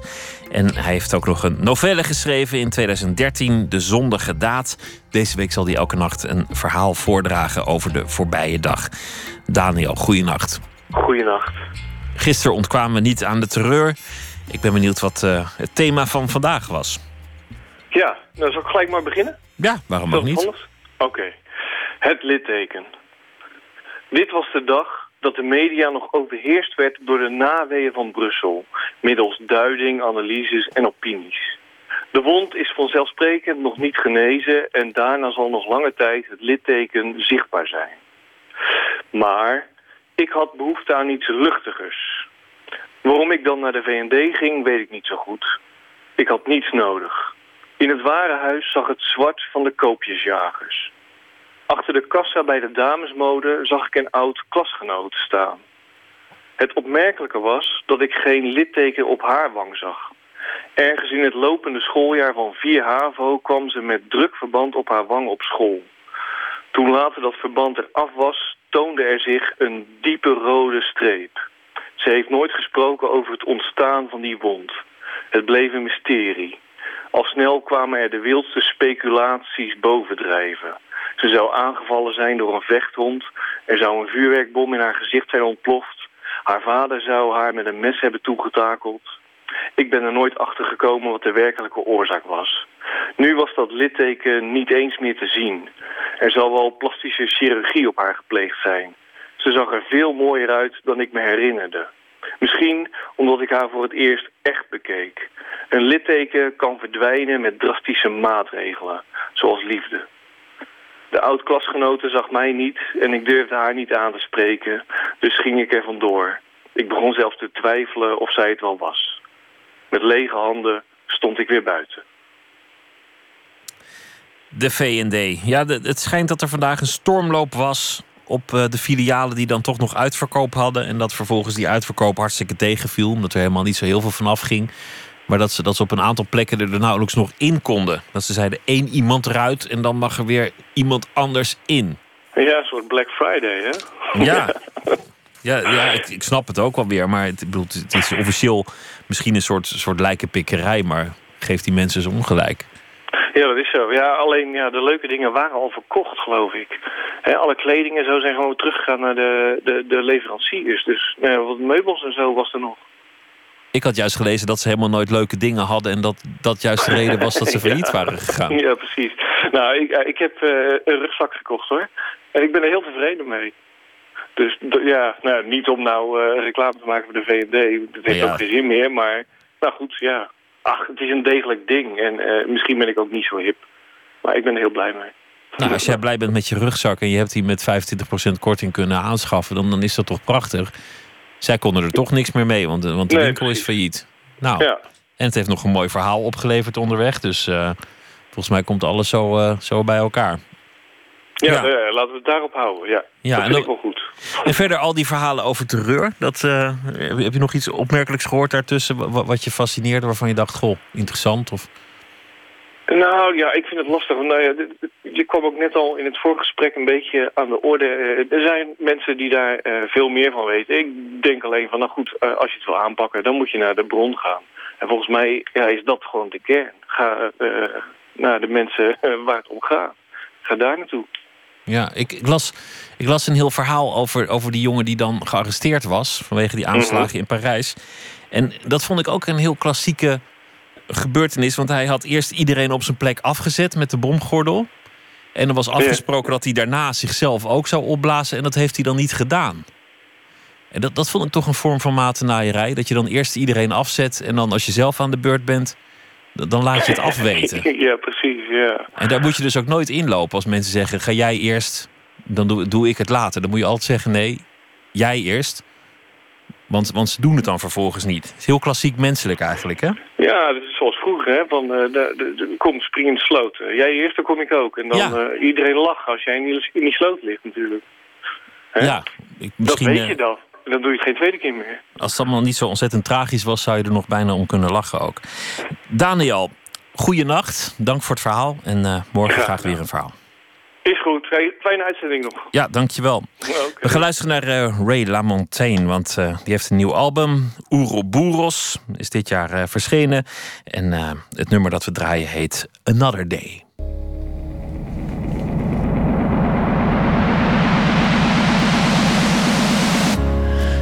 Is here, spring is past. The sounds of summer settle in. A snake slips through the grass.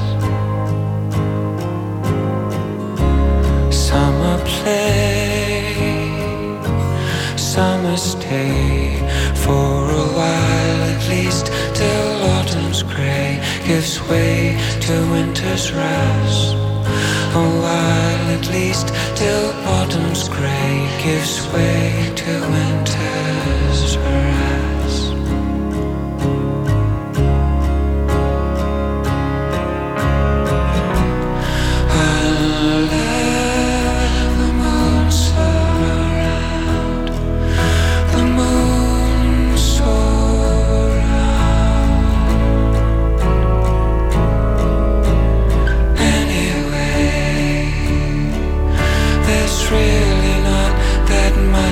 say. It's just another day.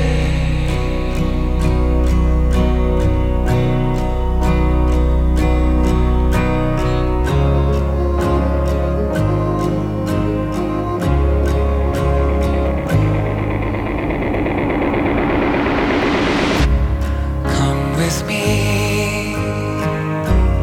come and see the trill, the hush and glimmering green, the mountain stream. The trill, the hush and shimmering of green, the mountain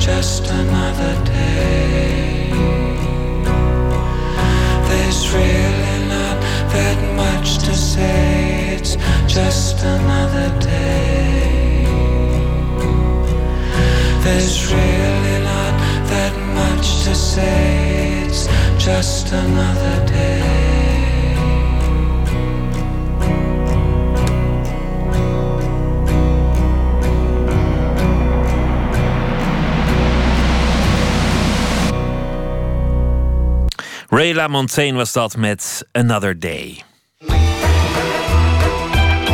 Nooit meer slapen.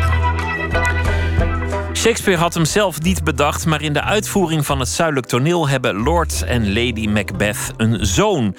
Dat wil zeggen, ze hadden een zoon en die zoon is dood, omgekomen in de oorlog. En dat verlies is als een groot verdriet tussen de echte lieden neergedaald.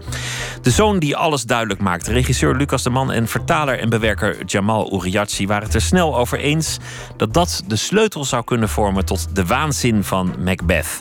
Matthijs Deen die zocht Jamal op en stelde de eerste voor de hand liggende vraag: hoezo? Had te maken, denk ik, met het, het rouwaspect. Er zitten wat vage aanwijzingen in het origineel dat Macbeth en Lady Macbeth een kind hebben gehad. In ieder geval Lady Macbeth. Zij heeft gezoogd, zegt ze op een zeker moment. En, en samen zijn we toen tot het idee gekomen, ook om dat in ieder geval nu te plaatsen. En we kwamen op het idee van generaal van Uhm.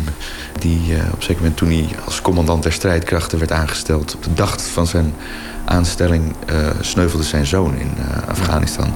Um, en de, ja, het is vrij indrukwekkend om hem te zien praten. Want meteen daarna al gaf hij tv-interviews. Vrijdagochtend, toen ik echt voor het eerst in mijn functie achter mijn bureau zat,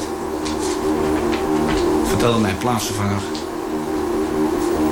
dat Mark Schouwink en mijn zoon Dennis gesneuveld waren. Je vraagt je af wat borrelt daarachter. En daar, daar kom je heel moeilijk bij. Hij heeft ook een boek geschreven over zijn ervaringen. Daar, ja, dat blijft heel erg aan de oppervlakte. Mijn zoon zou niet willen dat ik bij de pakken neer ging zitten. Mijn zoon was in hart en ziel een militair. Hij leefde ervoor. Kunt je afvragen wat als je iemand hebt met wat minder zelfbeheersing... of wat, wat troebeler temperament, wat, wat gebeurt er dan? Um, als iemand dan zo'n rol moet vertolken. Ja, want je maakt van Macbeth een geval van PTSD. Ja, daar komt het wel neer. Ja, ja, ja. Hij heeft, dat is hij ergens bij, zou je kunnen zeggen. Het is interpretatie, maar wel een, een voor de hand liggende interpretatie. Dat is hij bij Shakespeare ook. De, de beelden waarin hij spreekt zijn altijd van bloed en lijken doordrongen. En dat, dat zit al vanaf meteen vanaf het begin van het stuk zit dat al in zijn kop. Die, die, de bloederigheid van die oorlog. Ook aan de zijde van het koninklijk leger hebben wij heel wat gesneuvelde manschappen te betreuren gehad. Onder wie uw eigen zoon.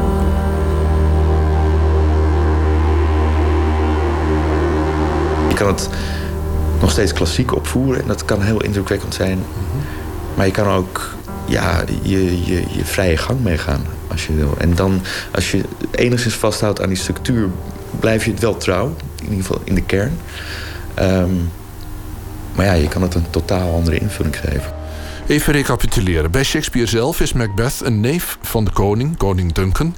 die na een succesvolle militaire campagne onderweg naar huis... door drie heksen voorspeld krijgt dat hij koning zal worden.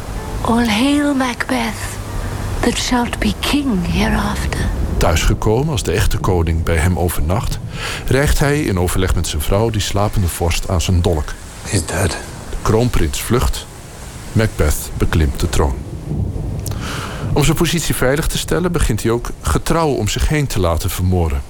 Maar hij kan het allemaal toch niet zo goed verwerken. Hij krijgt last van zijn geweten, hij krijgt last van geestverschijningen. Het moorden neemt toe en uiteindelijk gaat hij er zelf van onderdoor. Het is een kort en buitengewoon bloederig stuk. It is a tale told by an idiot, full of sound and fury, signifying nothing.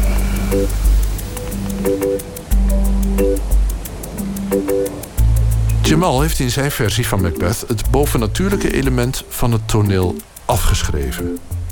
Zij het dat het toegevoegde gesneuvelde zoontje voor op het toneel met Lego zit te spelen, dat dan weer wel. De geestverschijningen hebben geen bovennatuurlijk karakter meer, maar het zijn onverwerkte beelden van nooit helemaal met naam genoemde moordtaferelen in een dorp dat op bevel van Macbeth is uitgemoord. Het trauma ontwikkelt zich tot gekte en krijgt een extra dimensie doordat mevrouw Macbeth niet accepteert dat hij zijn ellende niet met haar delen kan. Steeds opnieuw wordt de handeling doorkruist, toegelicht of voortgedreven door scènes uit een soort actualiteiten-talkshow. Jamal en regisseur Lucas de Man hebben zich kennelijk vrij gevoeld om Shakespeare tegelijkertijd te volgen en te verlaten.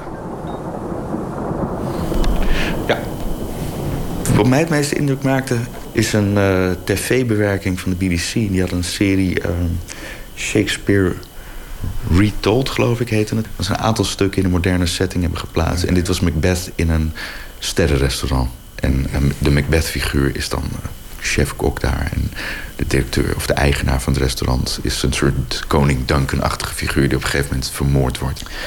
En ik denk dat juist de concreetheid daarvan sprak me heel erg aan. Ze zijn heel erg met vlees bezig in die, in die, in die keuken. Het begint volgens mij, het beginbeeld dat mij heel erg bij is gebleven... is een grote varkenskop. En deze chef-kok, Macbeth-achtige figuur... legt zijn uh, mede-keukenmedewerkers uh, uit... hoe je die, die kop het beste kunt bewerken. De groot mes. Dit is heel concreet en heel tastbaar en heel bloederig. Um... See this animal? Okay. First off for the ears. Get your cleaver. Ears, cheek, tongue, brain, no waste. That, in a word, is respect. Thank you, chef. All right, crew lamb, table nine, let's go! Ik kan me voorstellen dat zo'n voorbeeld jou ook uh, losmaakt. Dat je de, de, de, vrijheid verleent om te doen wat je wil eigenlijk. Ja, dan, dan ga je veel meer durven, ja. ja. En we zijn er ook steeds meer achter gekomen dat... je kunt bij zoiets ook niet al te halfslachtig te werk gaan. Want als je eenmaal de keuze maakt om het naar een moderne setting te verplaatsen... dan loop je tegen allerlei hele ja, lullige, concrete bezwaren in de oorspronkelijke tekst. Uh, daar loop je tegenaan. En dan kun je daar wel steeds een soort houtje-touwtje oplossing voor gaan bedenken. Maar je kan ook denken, nee, we gaan alleen nog de hoofdlijn volgen. De reeks moorden is er nog steeds.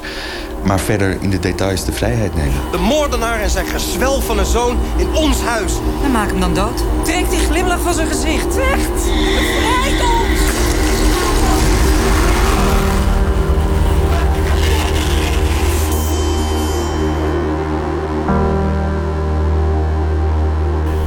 de gesprekken tussen, het echt, uh, tussen de echte lieden. Macbeth en Lady Macbeth. Daar, daar, um, dat is ook wel iets wat mij altijd integreert, ook in mijn eigen werk. Die wisselwerking tussen man en vrouw. In een bepaalde die in een bepaalde machtsverhouding tot elkaar staan. En die is elke keer weer anders en bij iedereen ook anders.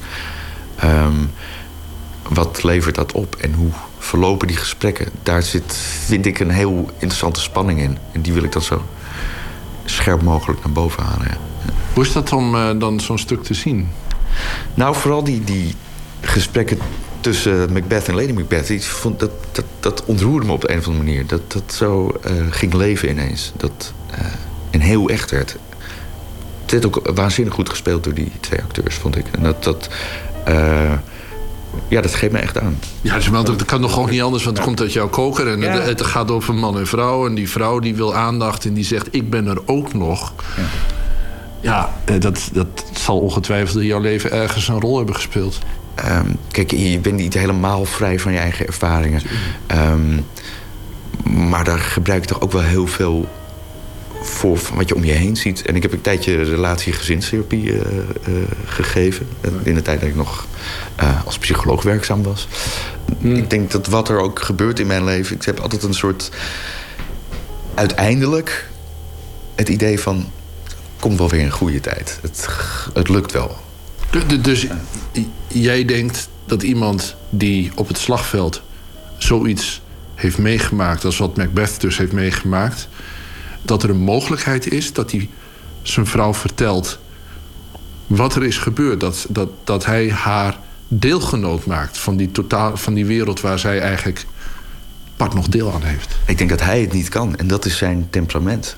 Je ziet voor het eerst het stuk. Je ziet voor het eerst die echte lieden. Je hebt het verleden als uh, relatietherapeut. Ik kan me voorstellen dat er een moment is dat je echt toneel wil oplopen. En zegt jongens, ga nou even zitten, luister nou eens ja, dat, is wel grappig. Ja, maar het is ik heb het ook wel eens zo omschreven als het over mijn romans ging. Van, ik ben, eigenlijk heb ik die mensen in therapie, maar ik stuur ze de verkeerde kant op. Dat is een beetje wat er gebeurt. Ja, ja. Maar je wil inderdaad ik hoop dat het publiek dat ook een beetje voelt. Dat je denkt van, oh, maar mensen zijn zo langs elkaar heen aan het praten. Als ja. je nou even gaat zitten en, en naar elkaar luisteren... dan kun je al zoveel verder komen. Maar ja, dat is natuurlijk het, het de tragiek, het drama, dat dat niet gebeurt. Ja. ja.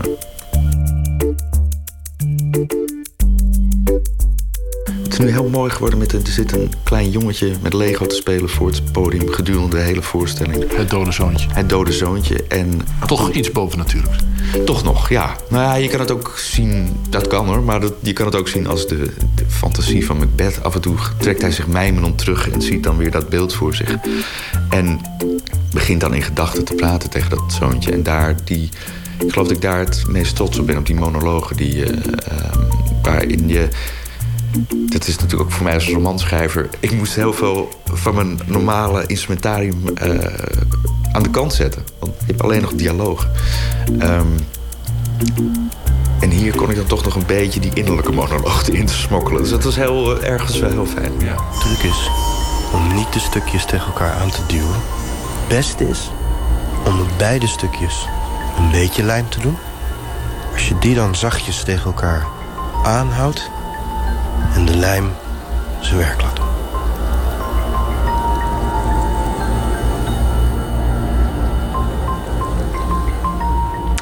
De voorstelling Macbeth van het Zuidelijk Toneel is nog tot 13 mei te zien op verschillende plekken in het land. Verslaggever Matthijs Deen in gesprek met schrijver Jamal Uriachi, die de tekst van Shakespeare heeft bewerkt.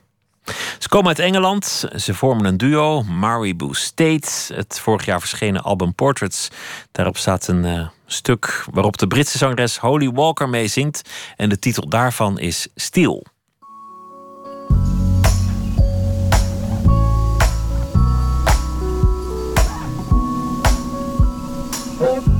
You were running blind, following your feet to try and outrun your fate. Standing in a field of flowers, cerebral voices the loudest, all hollering your name. Is it paradise? Only if it blows your mind and then blows away.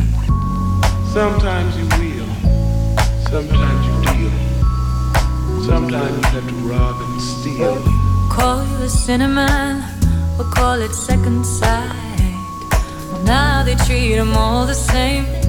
And it's the thinnest line they hung you out by. You were holding my hands and say, Hey, what if I only ever took what's mine? I wanted to tell them that if I could have led a different life, could have led a different life. But now I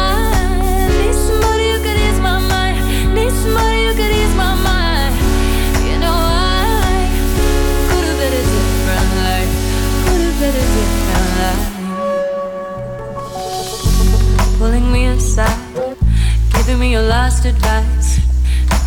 And the whole house shakes. Saying, keep it in the family hide. Don't make the mistakes that I did. Cause it'll weigh your soul away. And I would have tried if only it was black or white. But it's bullet gray.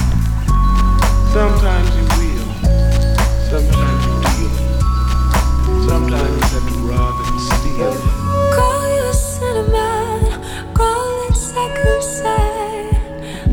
Treat them all the same. It's the thinnest line to hang you by. Holding my hands and saying, you know I only ever took what's mine. I wanted to tell them that if I could have led a different life, could have led a different life.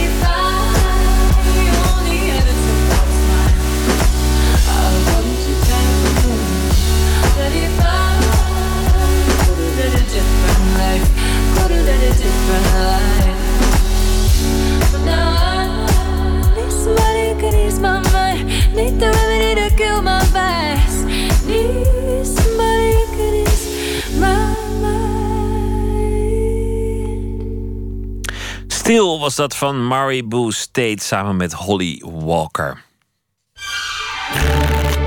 Open kaart.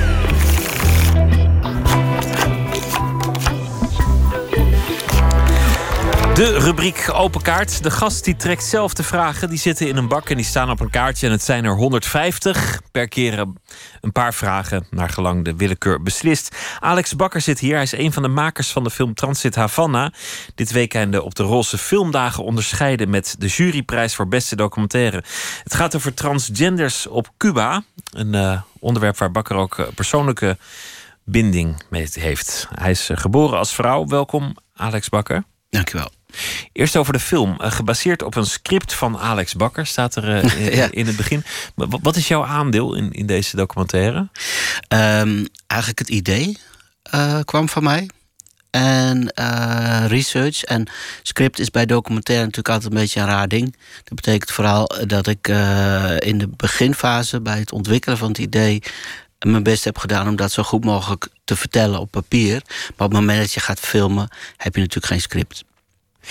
We volgen drie mensen uh, op Cuba die uh, elk in een andere fase bezig zijn met uh, geslachtsverandering.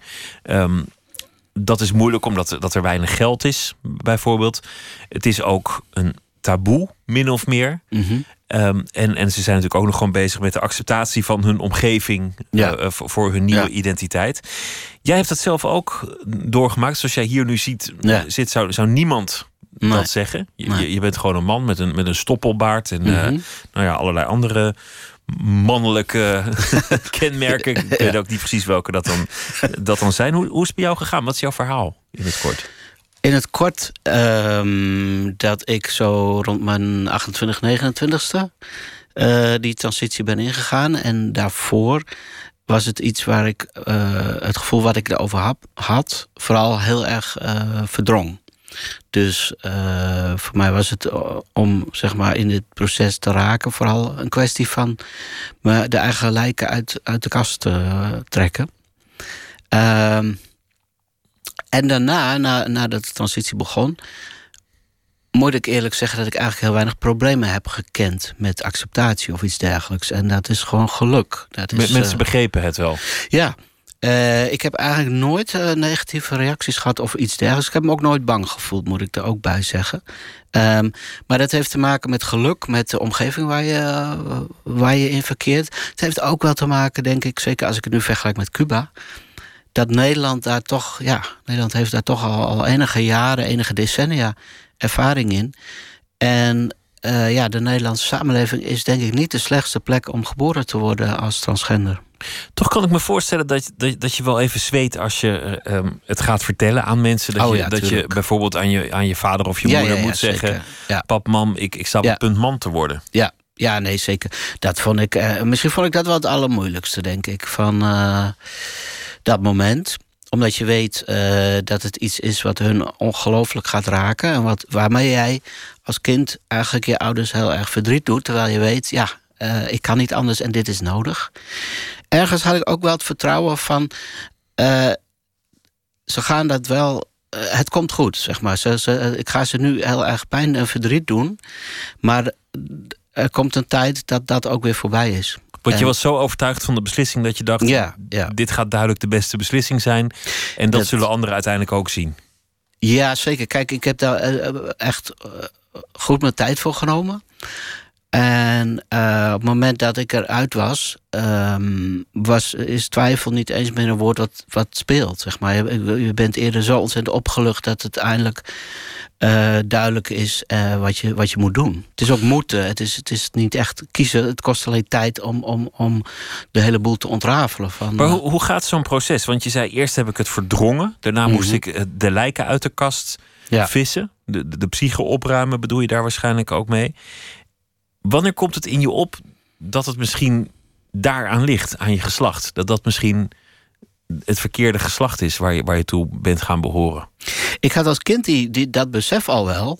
Of, of die notie van uh, dit, uh, het klopt eigenlijk niet. Ik, ik, mijn broers zitten aan de goede kant en ik ben blijkbaar aan de verkeerde kant ingedeeld. Zo ervoer ik dat.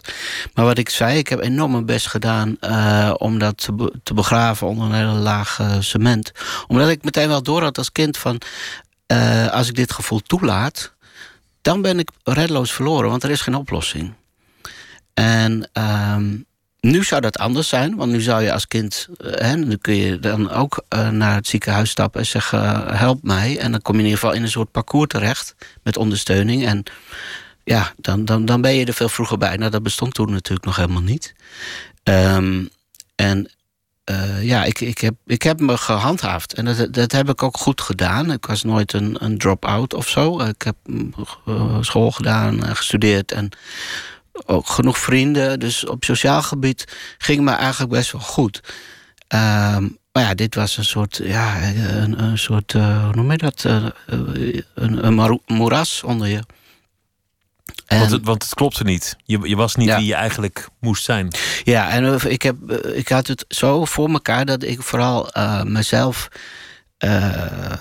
als, als een geestelijk wezen zeg maar, beschouwde. En daarop alles baseerde. Dus mijn vriendschappen, mijn, mijn, hobby's, alles. En dat functioneert dan redelijk wel. eh, tot het moment dat dat een keertje ophoudt. Want ja, je, je kunt. Het is zo'n enorm wankele basis. Dat, eh, en ik denk, toen ik afgestudeerd was, toen breekt er zo'n nieuwe levensfase aan. Van oké, wat ga ik nu doen? Hè? Wat ga ik met de rest van mijn leven doen? En dat, toen begonnen zeg maar, de eerste barsjes eh, in het cement te komen. In Cuba is het proces globaal natuurlijk hetzelfde. Het, het ontdekken dat er iets niet klopt. Het komen tot een beslissing. De vastberadenheid waarmee de beslissing Ja. wordt, wordt nagestreefd als die eenmaal is genomen. De problemen zijn ook anders. De maatschappij is anders. De acceptatie is anders. En, en, het, en het geld is een probleem. De mensen zitten allemaal in een andere fase. Mhm. De een is al ehm, klaar met de operaties, maar, maar moet nog hormonen. Mhm. De andere die is nog gedeeltelijk geopereerd. Nou ja, al dat soort dingen. Wat ik het mooie vond aan de film is dat- je ook voeling krijgt met de personages. Mhm. Het, het worden Ja. karakters die meer zijn dan alleen iemand met een geslachtsverandering. Ja. Het zijn ook mensen met een eigen humor of, of, een, Ja. of andere eigenaardigheden. Waardoor de film eigenlijk over veel meer gaat dan alleen dat transgender zijn. Ja, nou dat is fijn om te horen, want het, de regisseur, eh, Daniel Abma, eh, voor hem is dat centraal in zijn werk. In zijn vorige film, een heel ander thema, maar heeft hij drie eh, jongens in, in voormalig Oost-Duitsland, Brandenburg, gevolgd die in de jeugdgevangenis zaten. Waarvan één echt een behoorlijk beruchte neonazi. Bepaald geen lievertjes, die jongens. En hij heeft hen gevolgd, eh, dus na een vrijlating hoe het met hem verder ging. Dus voor hem is dat altijd een van de centrale dingen... is zo dicht mogelijk bij mensen zien te komen. En daarvoor heb je tijd nodig. Je moet gewoon veel dagen met ze optrekken. En eh probeer jezelf soms ook onzichtbaar te maken als camerateam. En nou, ik, ik denk inderdaad dat het, dat het dit keer in deze film ook wel goed gelukt is. We zijn er op momenten bij geweest dat ik echt dacht zij zijn nu ons echt vergeten. Want zij staan hier bijvoorbeeld ruzie te maken op een bepaalde manier. Of, eh, nou ja, zo, zo, ze lieten, dat vond ik ook wel verrassend, moet ik zeggen. Ehm, Maar ze werden echt Cubanen- zichzelf.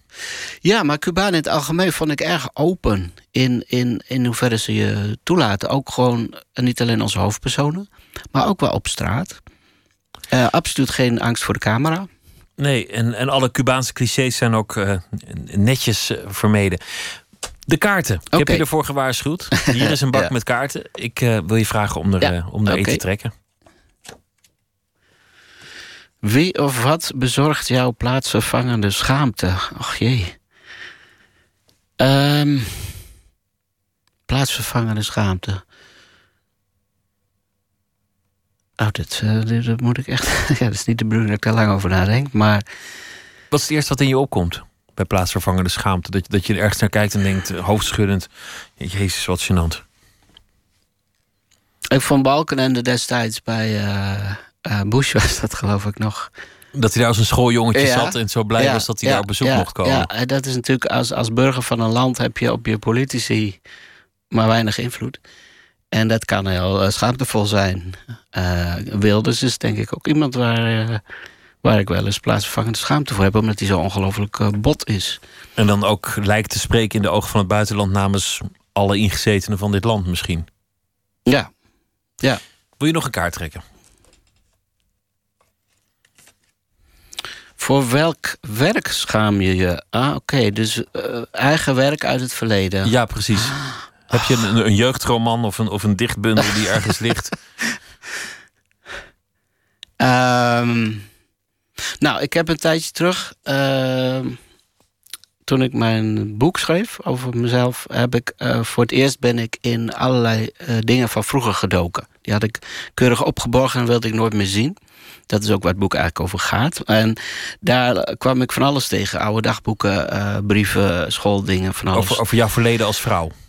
Ja, ja, of eigenlijk mijn verleden. Ja, om, Of gewoon om te jouw gaan, verleden, ja. hoe om te gaan met het verleden waar, wat je niet, eigenlijk niet meer wil erkennen. Dat is, dat is het boek. Eh, maar daarvoor heb ik eigenlijk research gedaan eh, op mijn eigen eh, documenten in die, in die dozen. Wat ik daarin in vond waren bijvoorbeeld uitgebreide briefwisselingen met, eh, met, met schoolklasgenoten, vrienden. En ja, dat is wel heel moeilijk om te lezen. Gewoon niet zozeer van, oh god, eh, wat was toen allemaal anders? Ja, dat ook wel. Maar vooral de oeverloosheid van een puber vond ik vrij eh Maar dat geldt, beschamend. dat geldt voor elke puber. Heb je ook een soort schaamte als je foto's van jezelf ziet eh, in je oude gedaante als Oh, vrouw? Of, nou, of, zeker. nee, oh, maar dat is zelfs een heel groot thema. Ik, zie, ik wil ze niet zien. Je wil niet meer weten wie jij geweest bent. Nee, eigenlijk niet. Nou ja, dat, dus een, dat was een beetje de worsteling waar het boek over gaat. Van in hoeverre kan je leven zonder verleden? Nou, dat kan natuurlijk niet. Maar, eh, en ik had gehoopt dat door het schrijven van het boek... het voor mij weer helemaal open zou komen te liggen. En ik merkte dat dat ten dele niet zo is... want ik kan nog steeds geen foto's zien. Behalve als ik klein ben, dat vind ik dan niet zo erg. Maar eh, nou, zeker vanaf puberteit... eh, nee, ik, ik wil het ook niet. En, eh, Je wilt het, wilt het liefst, liefst vergeten en, en het, is, het is ook emotioneel. Wat kun je vertellen over jezelf in die, in die oude gedaante? Hoe heette je? Hoe, hoe zag je eruit? Wa- wa- Wat had je voor hobby's die je nu niet meer hebt? Nou, naam is iets, dat zeg ik nooit. Dat is eh, privé. Ehm, hobby's, ja, dat vond ik wel eh, fijn om te merken toen ik eh, met het boek bezig was. Dat ik als persoon, als mens, eigenlijk niet zo veranderd ben. En dat al mijn fascinaties en hobby's, eh, dat ik die nog steeds volledig herken. Du- En- dus je was wel degelijk dezelfde. ja, ik was wel dezelfde. En, en dat is ook het, het verwarrende daaraan. Terwijl ik wilde eigenlijk, zeg maar alles voor mijn dertigste gewoon afschieten en ongeldig verklaren. Nou ja, dat, moet- daar kom je dan, als je weer wat ouder wordt, achter dat dat niet zo makkelijk gaat. En dat het misschien ook niet goed is om te doen. En eh, dat, nu heb ik wel weer het gevoel dat ik weer toegang heb tot vroeger. Alleen ook- er zitten eh, zeg maar eh, piketpaaltjes aan. Kan ook resultaat zijn van de opluchting dat je de beslissing hebt genomen en dat het allemaal is gelukt. Nou, het- nee, het is vooral de jaren na de transitie heb ik zeg maar tien jaar lang mijn uiterste best gedaan om alles wat vroeger was te ontkennen, vergeten of zelfs te vervalsen. Ja, dat bedoel ik. Dat je, dat je gewoon zo blij bent dat het achter je ligt. De, de periode voor de. de Ja, blij. verandering. Eh, eh, tuurlijk, blij, maar ook gewoon domweg niet aankunnen. Hm. Zullen we nog een kaart doen? Ja. Waar hebben je ouders je altijd voor gewaarschuwd? Oei. Ehm, eigenlijk niet. niet nee, ik, er is niet een concreet ding. Ehm, in het algemeen eh, wel iets van die Calvinistische cultuur zit, eh, zou je dit wel eh, over kunnen hebben. Ik ben, het, ik ben protestant opgevoed en waar je voor gewaarschuwd wordt is ehm, hoogmoed, bijvoorbeeld. Hoogmoed, ijdelheid, eh, eh, Ja. decadentie, Ja, ja. dat soort dingen. Ja. Hebben ze je gewaarschuwd toen je aankondigde dat je van geslacht ging veranderen? Nee. Niet Of- gezegd van, oh, maar je komt jezelf tegen. Of, oh, maar dat doet heel veel pijn. Of het is heel duur. Oh nee, nee, nee, absoluut niet. Nee, nee, nee, nee, nee, nee. Dat had ik ook niet verwacht hoor. Nee. Ze, ze, ze doorzagen het ook meteen wat aan de hand was. En ze voelden zichzelf zelfs nog schuldig, omdat zij als ouders van een kind dat ook wel eens gezien hadden in het verleden en er niks aan gedaan hadden. Namen ze zichzelf eigenlijk kwalijk, waarop ik zei: ja, maar dat, dat, dat moet nou ook weer niet, want ik heb daar zelf ook niks aan kunnen doen. En Eh, ja, dat, dat, zo moet je dat gewoon niet zien. Dan heb je eigenlijk ook wel geluk gehad met, met zo'n omgeving die zo begrijpend Zeker, was. hoor, maar daar ben ik me erg van bewust van. Ik ken heel veel andere transgenders, ook in Nederland, eh, voor wie dat niet zo is. In de film zitten daar ook eh fraaie voorbeelden van. Van eh, mensen die het wel of niet accepteren. Of die aarzelen in hun acceptatie van, eh, van het fenomeen.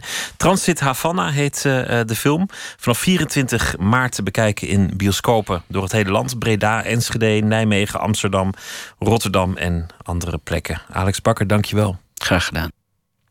Daniel Lohus heeft een nieuw album, Awesome. En daarop staat ook eh, in het Drents dialect een mooi nummer over trouw blijven aan jezelf. Zo moet je het doen.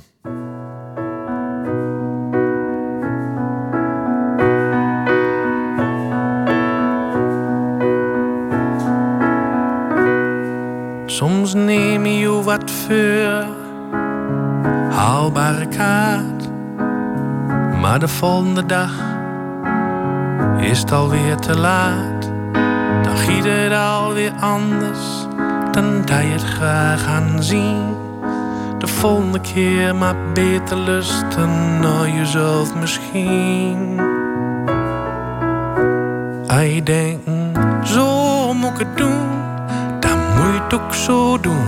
Hij denkt, zo wil ik het doen, dan wil je het ook zo doen. Hij denkt, zo zou ik het doen, dan je het ook zo doen. Iedereen heeft zijn manieren en Ion.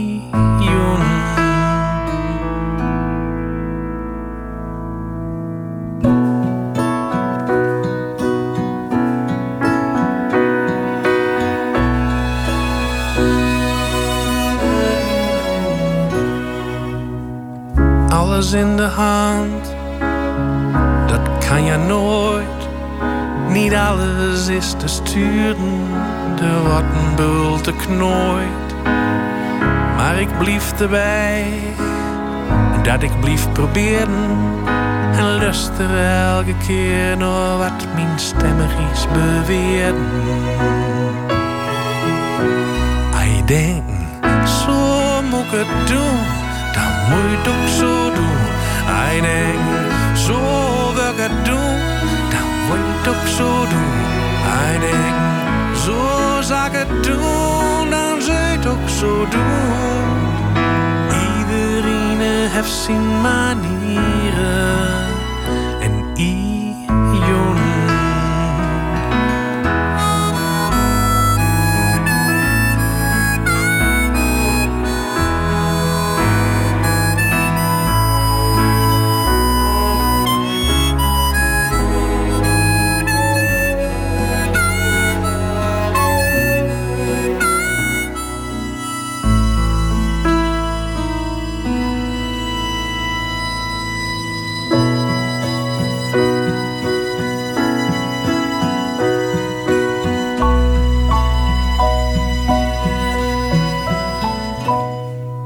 Soms neem je wat voor en doe je er alles aan om te laten gebeuren wat eigenlijk niet kan.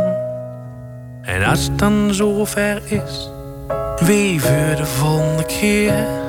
Als je weer wat voor de voeten komt, dan doe je het precies zo weer. Hij denkt, zo moet ik het doen ook zo doen. Hij denkt, zo ik het doen, dan je het ook zo doen. Denkt, zo zou ik het doen, dan het ook zo doen.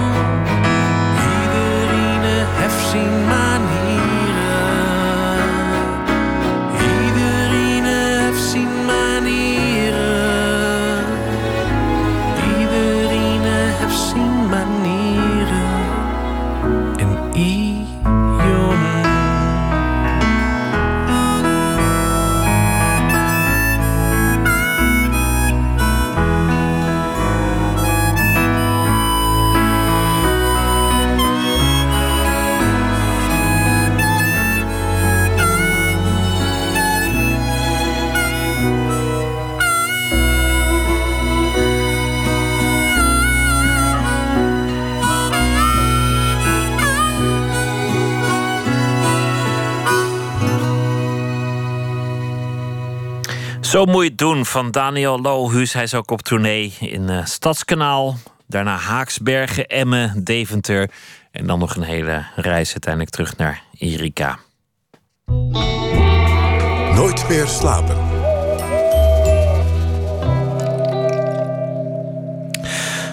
Wat moeten creatievelingen en kunstenaars met een terroristische aanslag? Kun je de gevoelens van afschuw, woede, angst en walging wel omzetten in goede kunst? Nachtcorrespondent Tom Klaassen.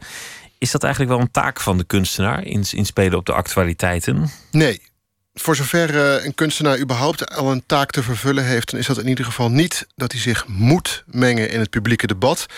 Want een kunstenaar doet dat, uh, moet hij lekker zelf weten. Ja, er zijn natuurlijk genoeg kunstenaars die het wel doen en die zich willen uitspreken. En ik kan me ook voorstellen dat je na de gebeurtenissen van bijvoorbeeld gisteren, of die van november of die van januari, nou ja, het is een lange, lange lijst inmiddels, ja. de, de wens hebt, maar dan is dat vervolgens ook nog ingewikkeld. Zeker, ja. Nee, het is absoluut waar dat er steeds, uh, steeds meer zijn. En uh, dat is volgens velen in deze tijd ook zeer wenselijk. Niet alleen kunstenaars, maar ook de beschouwers van de cultuur vinden dat zeer wenselijk.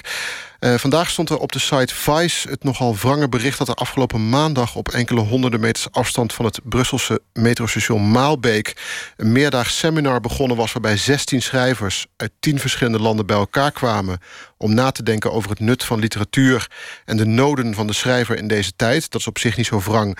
Maar juist de maandagavond voor de aanslagen... werd daar een essay besproken van de Oekraïense schrijver Andrei Kurkov... over hoe schrijvers om zouden moeten gaan met terreur en Korkov die neemt daar heel scherpe stelling in. Hij vindt dat schrijvers zich in crisissituaties niet mogen verstoppen achter hun fictie en achter hun boekjes.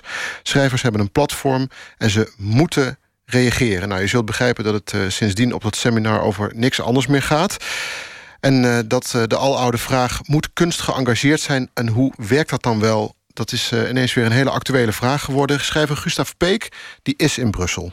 Toen, toen de bommen afgingen hier in in Brussel waren we eerst helemaal mens. En toen hadden we het over in, in, inderdaad, ja, hoe, hoe is men in de geschiedenis hiermee omgegaan? En wat kunnen wij doen? Uh, wij, kunnen niet, niet, niet, zo heel veel, maar wij, wij kunnen wel wellicht al in de eerste instantie rouw woorden geven, verschrikking woorden geven, boosheid woorden geven. En dat is de eerste stap. Maar een roman bijvoorbeeld nu over Brussel, ja, dat, dat, dat, dat, dat, daar zijn wij nu nog helemaal niet mee bezig, maar wie weet. De grote roman kwam nog niet opborrelen, maar het gaat nu dan om de eerste reactie woorden geven aan de verontwaardiging. Wat zou dat kunnen opleveren? Ja, Peek heeft het hier inderdaad over die eerste snelle reactie op de gebeurtenissen zelf. Direct daarna, zoals Giet op de Beek bijvoorbeeld gisteren... de onmacht en de paniek en de verbijstering verwoorden in De Wereld Draait Door... door te zeggen, laten we durven. En dat zijn woorden die troost geven en vorm en richting aan onduidelijke wervelstormen die woeden in uh, mensen na zo'n gebeurtenis. En die troost is belangrijk en fijn, maar als de paniek en de hysterie over zijn, dan doet de inmenging van de kunstenaar op de lange termijn nog iets heel anders. Iets fundamenteels. Dan krijgt de kunstenaar namelijk ineens een andere rol. Die van sociaal onderzoeker en criticus. Van iemand die de perceptie van de mensen zou kunnen kantelen. Schrijver en journalist Chris Keulemans die organiseerde kort geleden in Arnhem een studiedag Chaos en Conflict over hoe het engagement aan een opmars bezig is in de kunst. Ik denk dat steeds meer kunstenaars, ook in Nederland, de tijd nemen om te ontrafelen wat er achter zulke rampen gebeurt. Dus wat er morgen en overmorgen aan het licht komt. Uh, of of wat, voor, wat, voor, wat voor botsingen en conflicten er achter uh, zo'n drama zitten. En dan kan je daar als kunstenaar mee aan het werk gaan. Misschien ook iets gaan zeggen over dat zwarte gat waar iedereen naar tast. Namelijk wat, wat is het waardoor in het hoofd van iemand woede omslaat in uh, dodelijke actie. Ja, en als die paniek over is, dan zijn die harde maatschappelijke tegenstellingen en die polarisatie, die zijn er nog. En volgens Keulemans kan de kunstenaar die tegenstellingen nou juist ontmantelen en de scherpte uit dat debat halen. Want in die scherpte ligt volgens hem nooit de oplossing. En volgens Chris hebben veel kunstenaars nu nog het gevoel dat ze niet helemaal onderdeel van die arena uitmaken. Maar dat is aan het veranderen. En omdat deze tijd zo gepolariseerd is, heeft de kunstenaar meer dan ooit de kans om op dat vlak zijn stem te laten horen. En zo kan een werk weken, maanden, jaren na een gebeurtenis nog impact hebben in de maatschappij. Nou, dat lukt je natuurlijk nooit met een uh, reactie op televisie of een stukje in de krant. En het gaat daarmee lijnrecht in tegen wat filosoof Maarten Doorman de mediatisering van de werkelijkheid noemt. Ja, nou is, is er wel meer ellende geweest in de geschiedenis. En lang niet alle ellende heeft ook goede kunst opgeleverd. Zeker Mensen niet. maken gelukkig ook, ook nog kunst over hele andere alledaagse onderwerpen. Ja.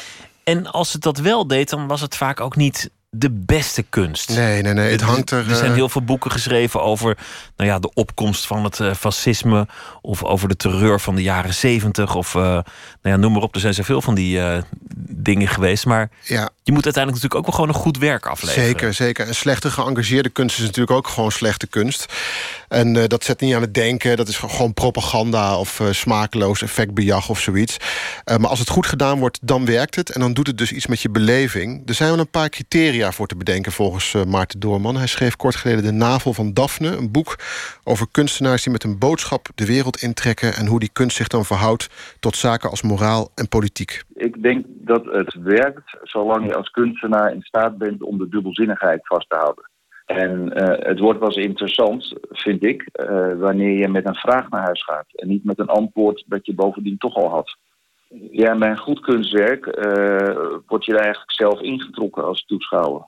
Een van de voorbeelden die ik in mijn boek noem, ehm, is, is dat werk van Ai Weiwei, waarin hij zichzelf afbeeldt dat hij in de gevangenis zit. Heeft hij een aantal scènes, één op zes, afgebeeld. En dan kijk je in een soort kijkdoos kijk je daarin. En aanvankelijk denk je, nou ja, dat is toch een beetje pathetisch. Zo'n kunstenaar die zijn eigen gevangenschap nog eens een keertje tentoonstelt. Ook zielig, maar ehm totdat je door hebt dat je zelf door een luikje moet loeren om dit te zien. En dan naar Ai kijkt en naar de bewakers.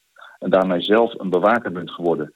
En dat is eigenlijk het moment waarop het ingewikkeld wordt. En dat je denkt, oké, maar ik ben eigenlijk niet alleen de bewaker van die gevangenen, maar ook nog van de bewakers. En wat is eigenlijk mijn rol als ik naar kunst kijk? Nou, en zo brengt kunst dus een zekere dubbelzinnigheid in werelden die weinig dubbelzinnigheid verdragen, zoals politiek en moraal. Die vragen om duidelijke lijnen en regels.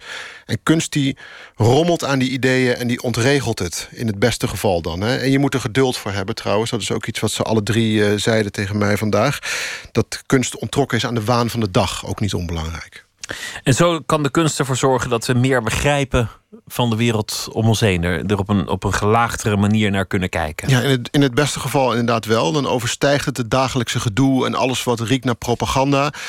En dan gaat het dus ineens over de langere termijn. Niet over gedichten die in een uurtje na een aanslag geschreven worden... of de stortvoet aan cartoons die we gisteren en vandaag uh, op social media zagen.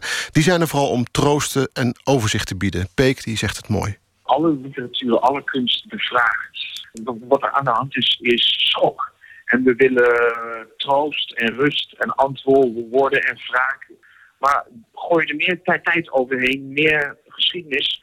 dan worden de simpelste dingen opeens heel complex. Als we terug, terug, terugkijken, dan breekt de tijd weer open. En begrijpen we er helemaal niet, niet, niets van. En daar kan literatuur weer helpen. Daar kan literatuur op een gegeven moment dat verhaal vinden... dat alles uh, uitlegt en de juiste vragen stelt. Zo is het maar net. Gustav Peek, die momenteel nog steeds in uh, Brussel is, heb ik begrepen. En het boek van Maarten Doorman, dat heet De Navel van Daphne. Tom Klaassen, dankjewel. Goeienacht. Deze maand verscheen een uh, nieuw album van Jeff Buckley. We draaiden in het uh, eerste uur ook al een uh, liedje van zijn vader, Tim Buckley. Jeff Buckley heeft niet zoveel nummers kunnen maken, omdat hij niet oud genoeg is geworden om dat uh, te doen. Maar hij heeft ook veel nummers opgenomen. Bij wijze van uh, pret en experiment van anderen. Van de Smiths en van Led Zeppelin en ook van Bob Dylan. En dat nummer staat uh, op dat album You and I. Het nummer Just Like a Woman.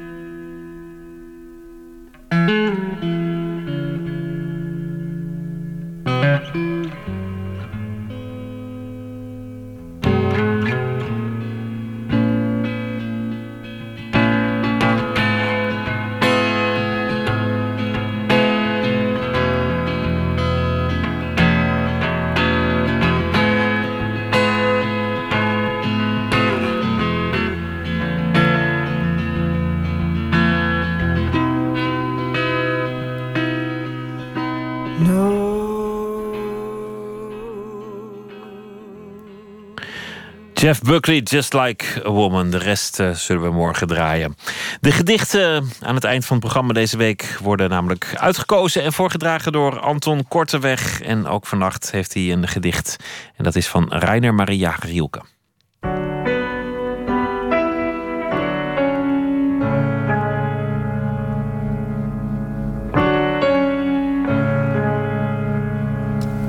De in Praag geboren Duitsstalige dichter Rainer Maria Rielke was zeker in het begin van de 20e eeuw een van de hele grote namen.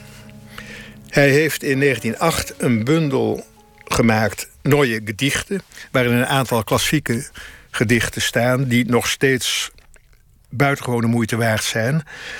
Onder andere Deer Panter en Herfstaak. Een van die gedichten heb ik vertaald. Archaïser Torso Apollo's. En Rielke is secretaris geweest van de beeldhouwer Alexander Rodin in Parijs. Uh, en hij zal deze torso ongetwijfeld in het Louvre tegengekomen zijn. En naar aanleiding daarvan dit gedicht geschreven hebben. Het is inderdaad een torso, er zit dus geen kop op. En ook het geslacht ontbreekt. Hij doet in het gedicht net of het beeld nog intact is. En dat is het natuurlijk in onze hoofden, als je het gedicht hoort ook. En dat probeert hij op te roepen. Archaïsche torso van Apollo. Wij kenden niet zijn ongehoorde hoofd waarin de oogappels rijp werden. Maar zijn torso gloeit nog als een kandelaar waarin zijn blik, verdrongen, niet gedoofd, zich glanzend handhaaft. Anders had de boeg der borst je niet verblind. In de gebogen baan der lendenen zou geen glimlach kunnen gaan naar het midden dat weleer de roede droeg. Zo niet, dan stond dit beeld verminkt, ontkracht, het zou niet glanzen als een roofdiervacht onder de beide schouders afgeknotte nek. Het zou zijn grenzen niet te buiten gaan zoals een ster. Er is geen enkele plek die jou niet ziet. Verander je bestaan. Anton Korteweg las een gedicht van Rielke. Dit was Nooit meer slapen voor deze nacht. Zometeen op deze zender Top Radio. Morgen dan zijn we er weer. En dan komt essayist Ian Burema langs. Uh, beroemd essayist. Uh, schrijft regelmatig voor The New Yorker en de New York Review of Books. Dat morgen. Voor nu een hele goede nacht.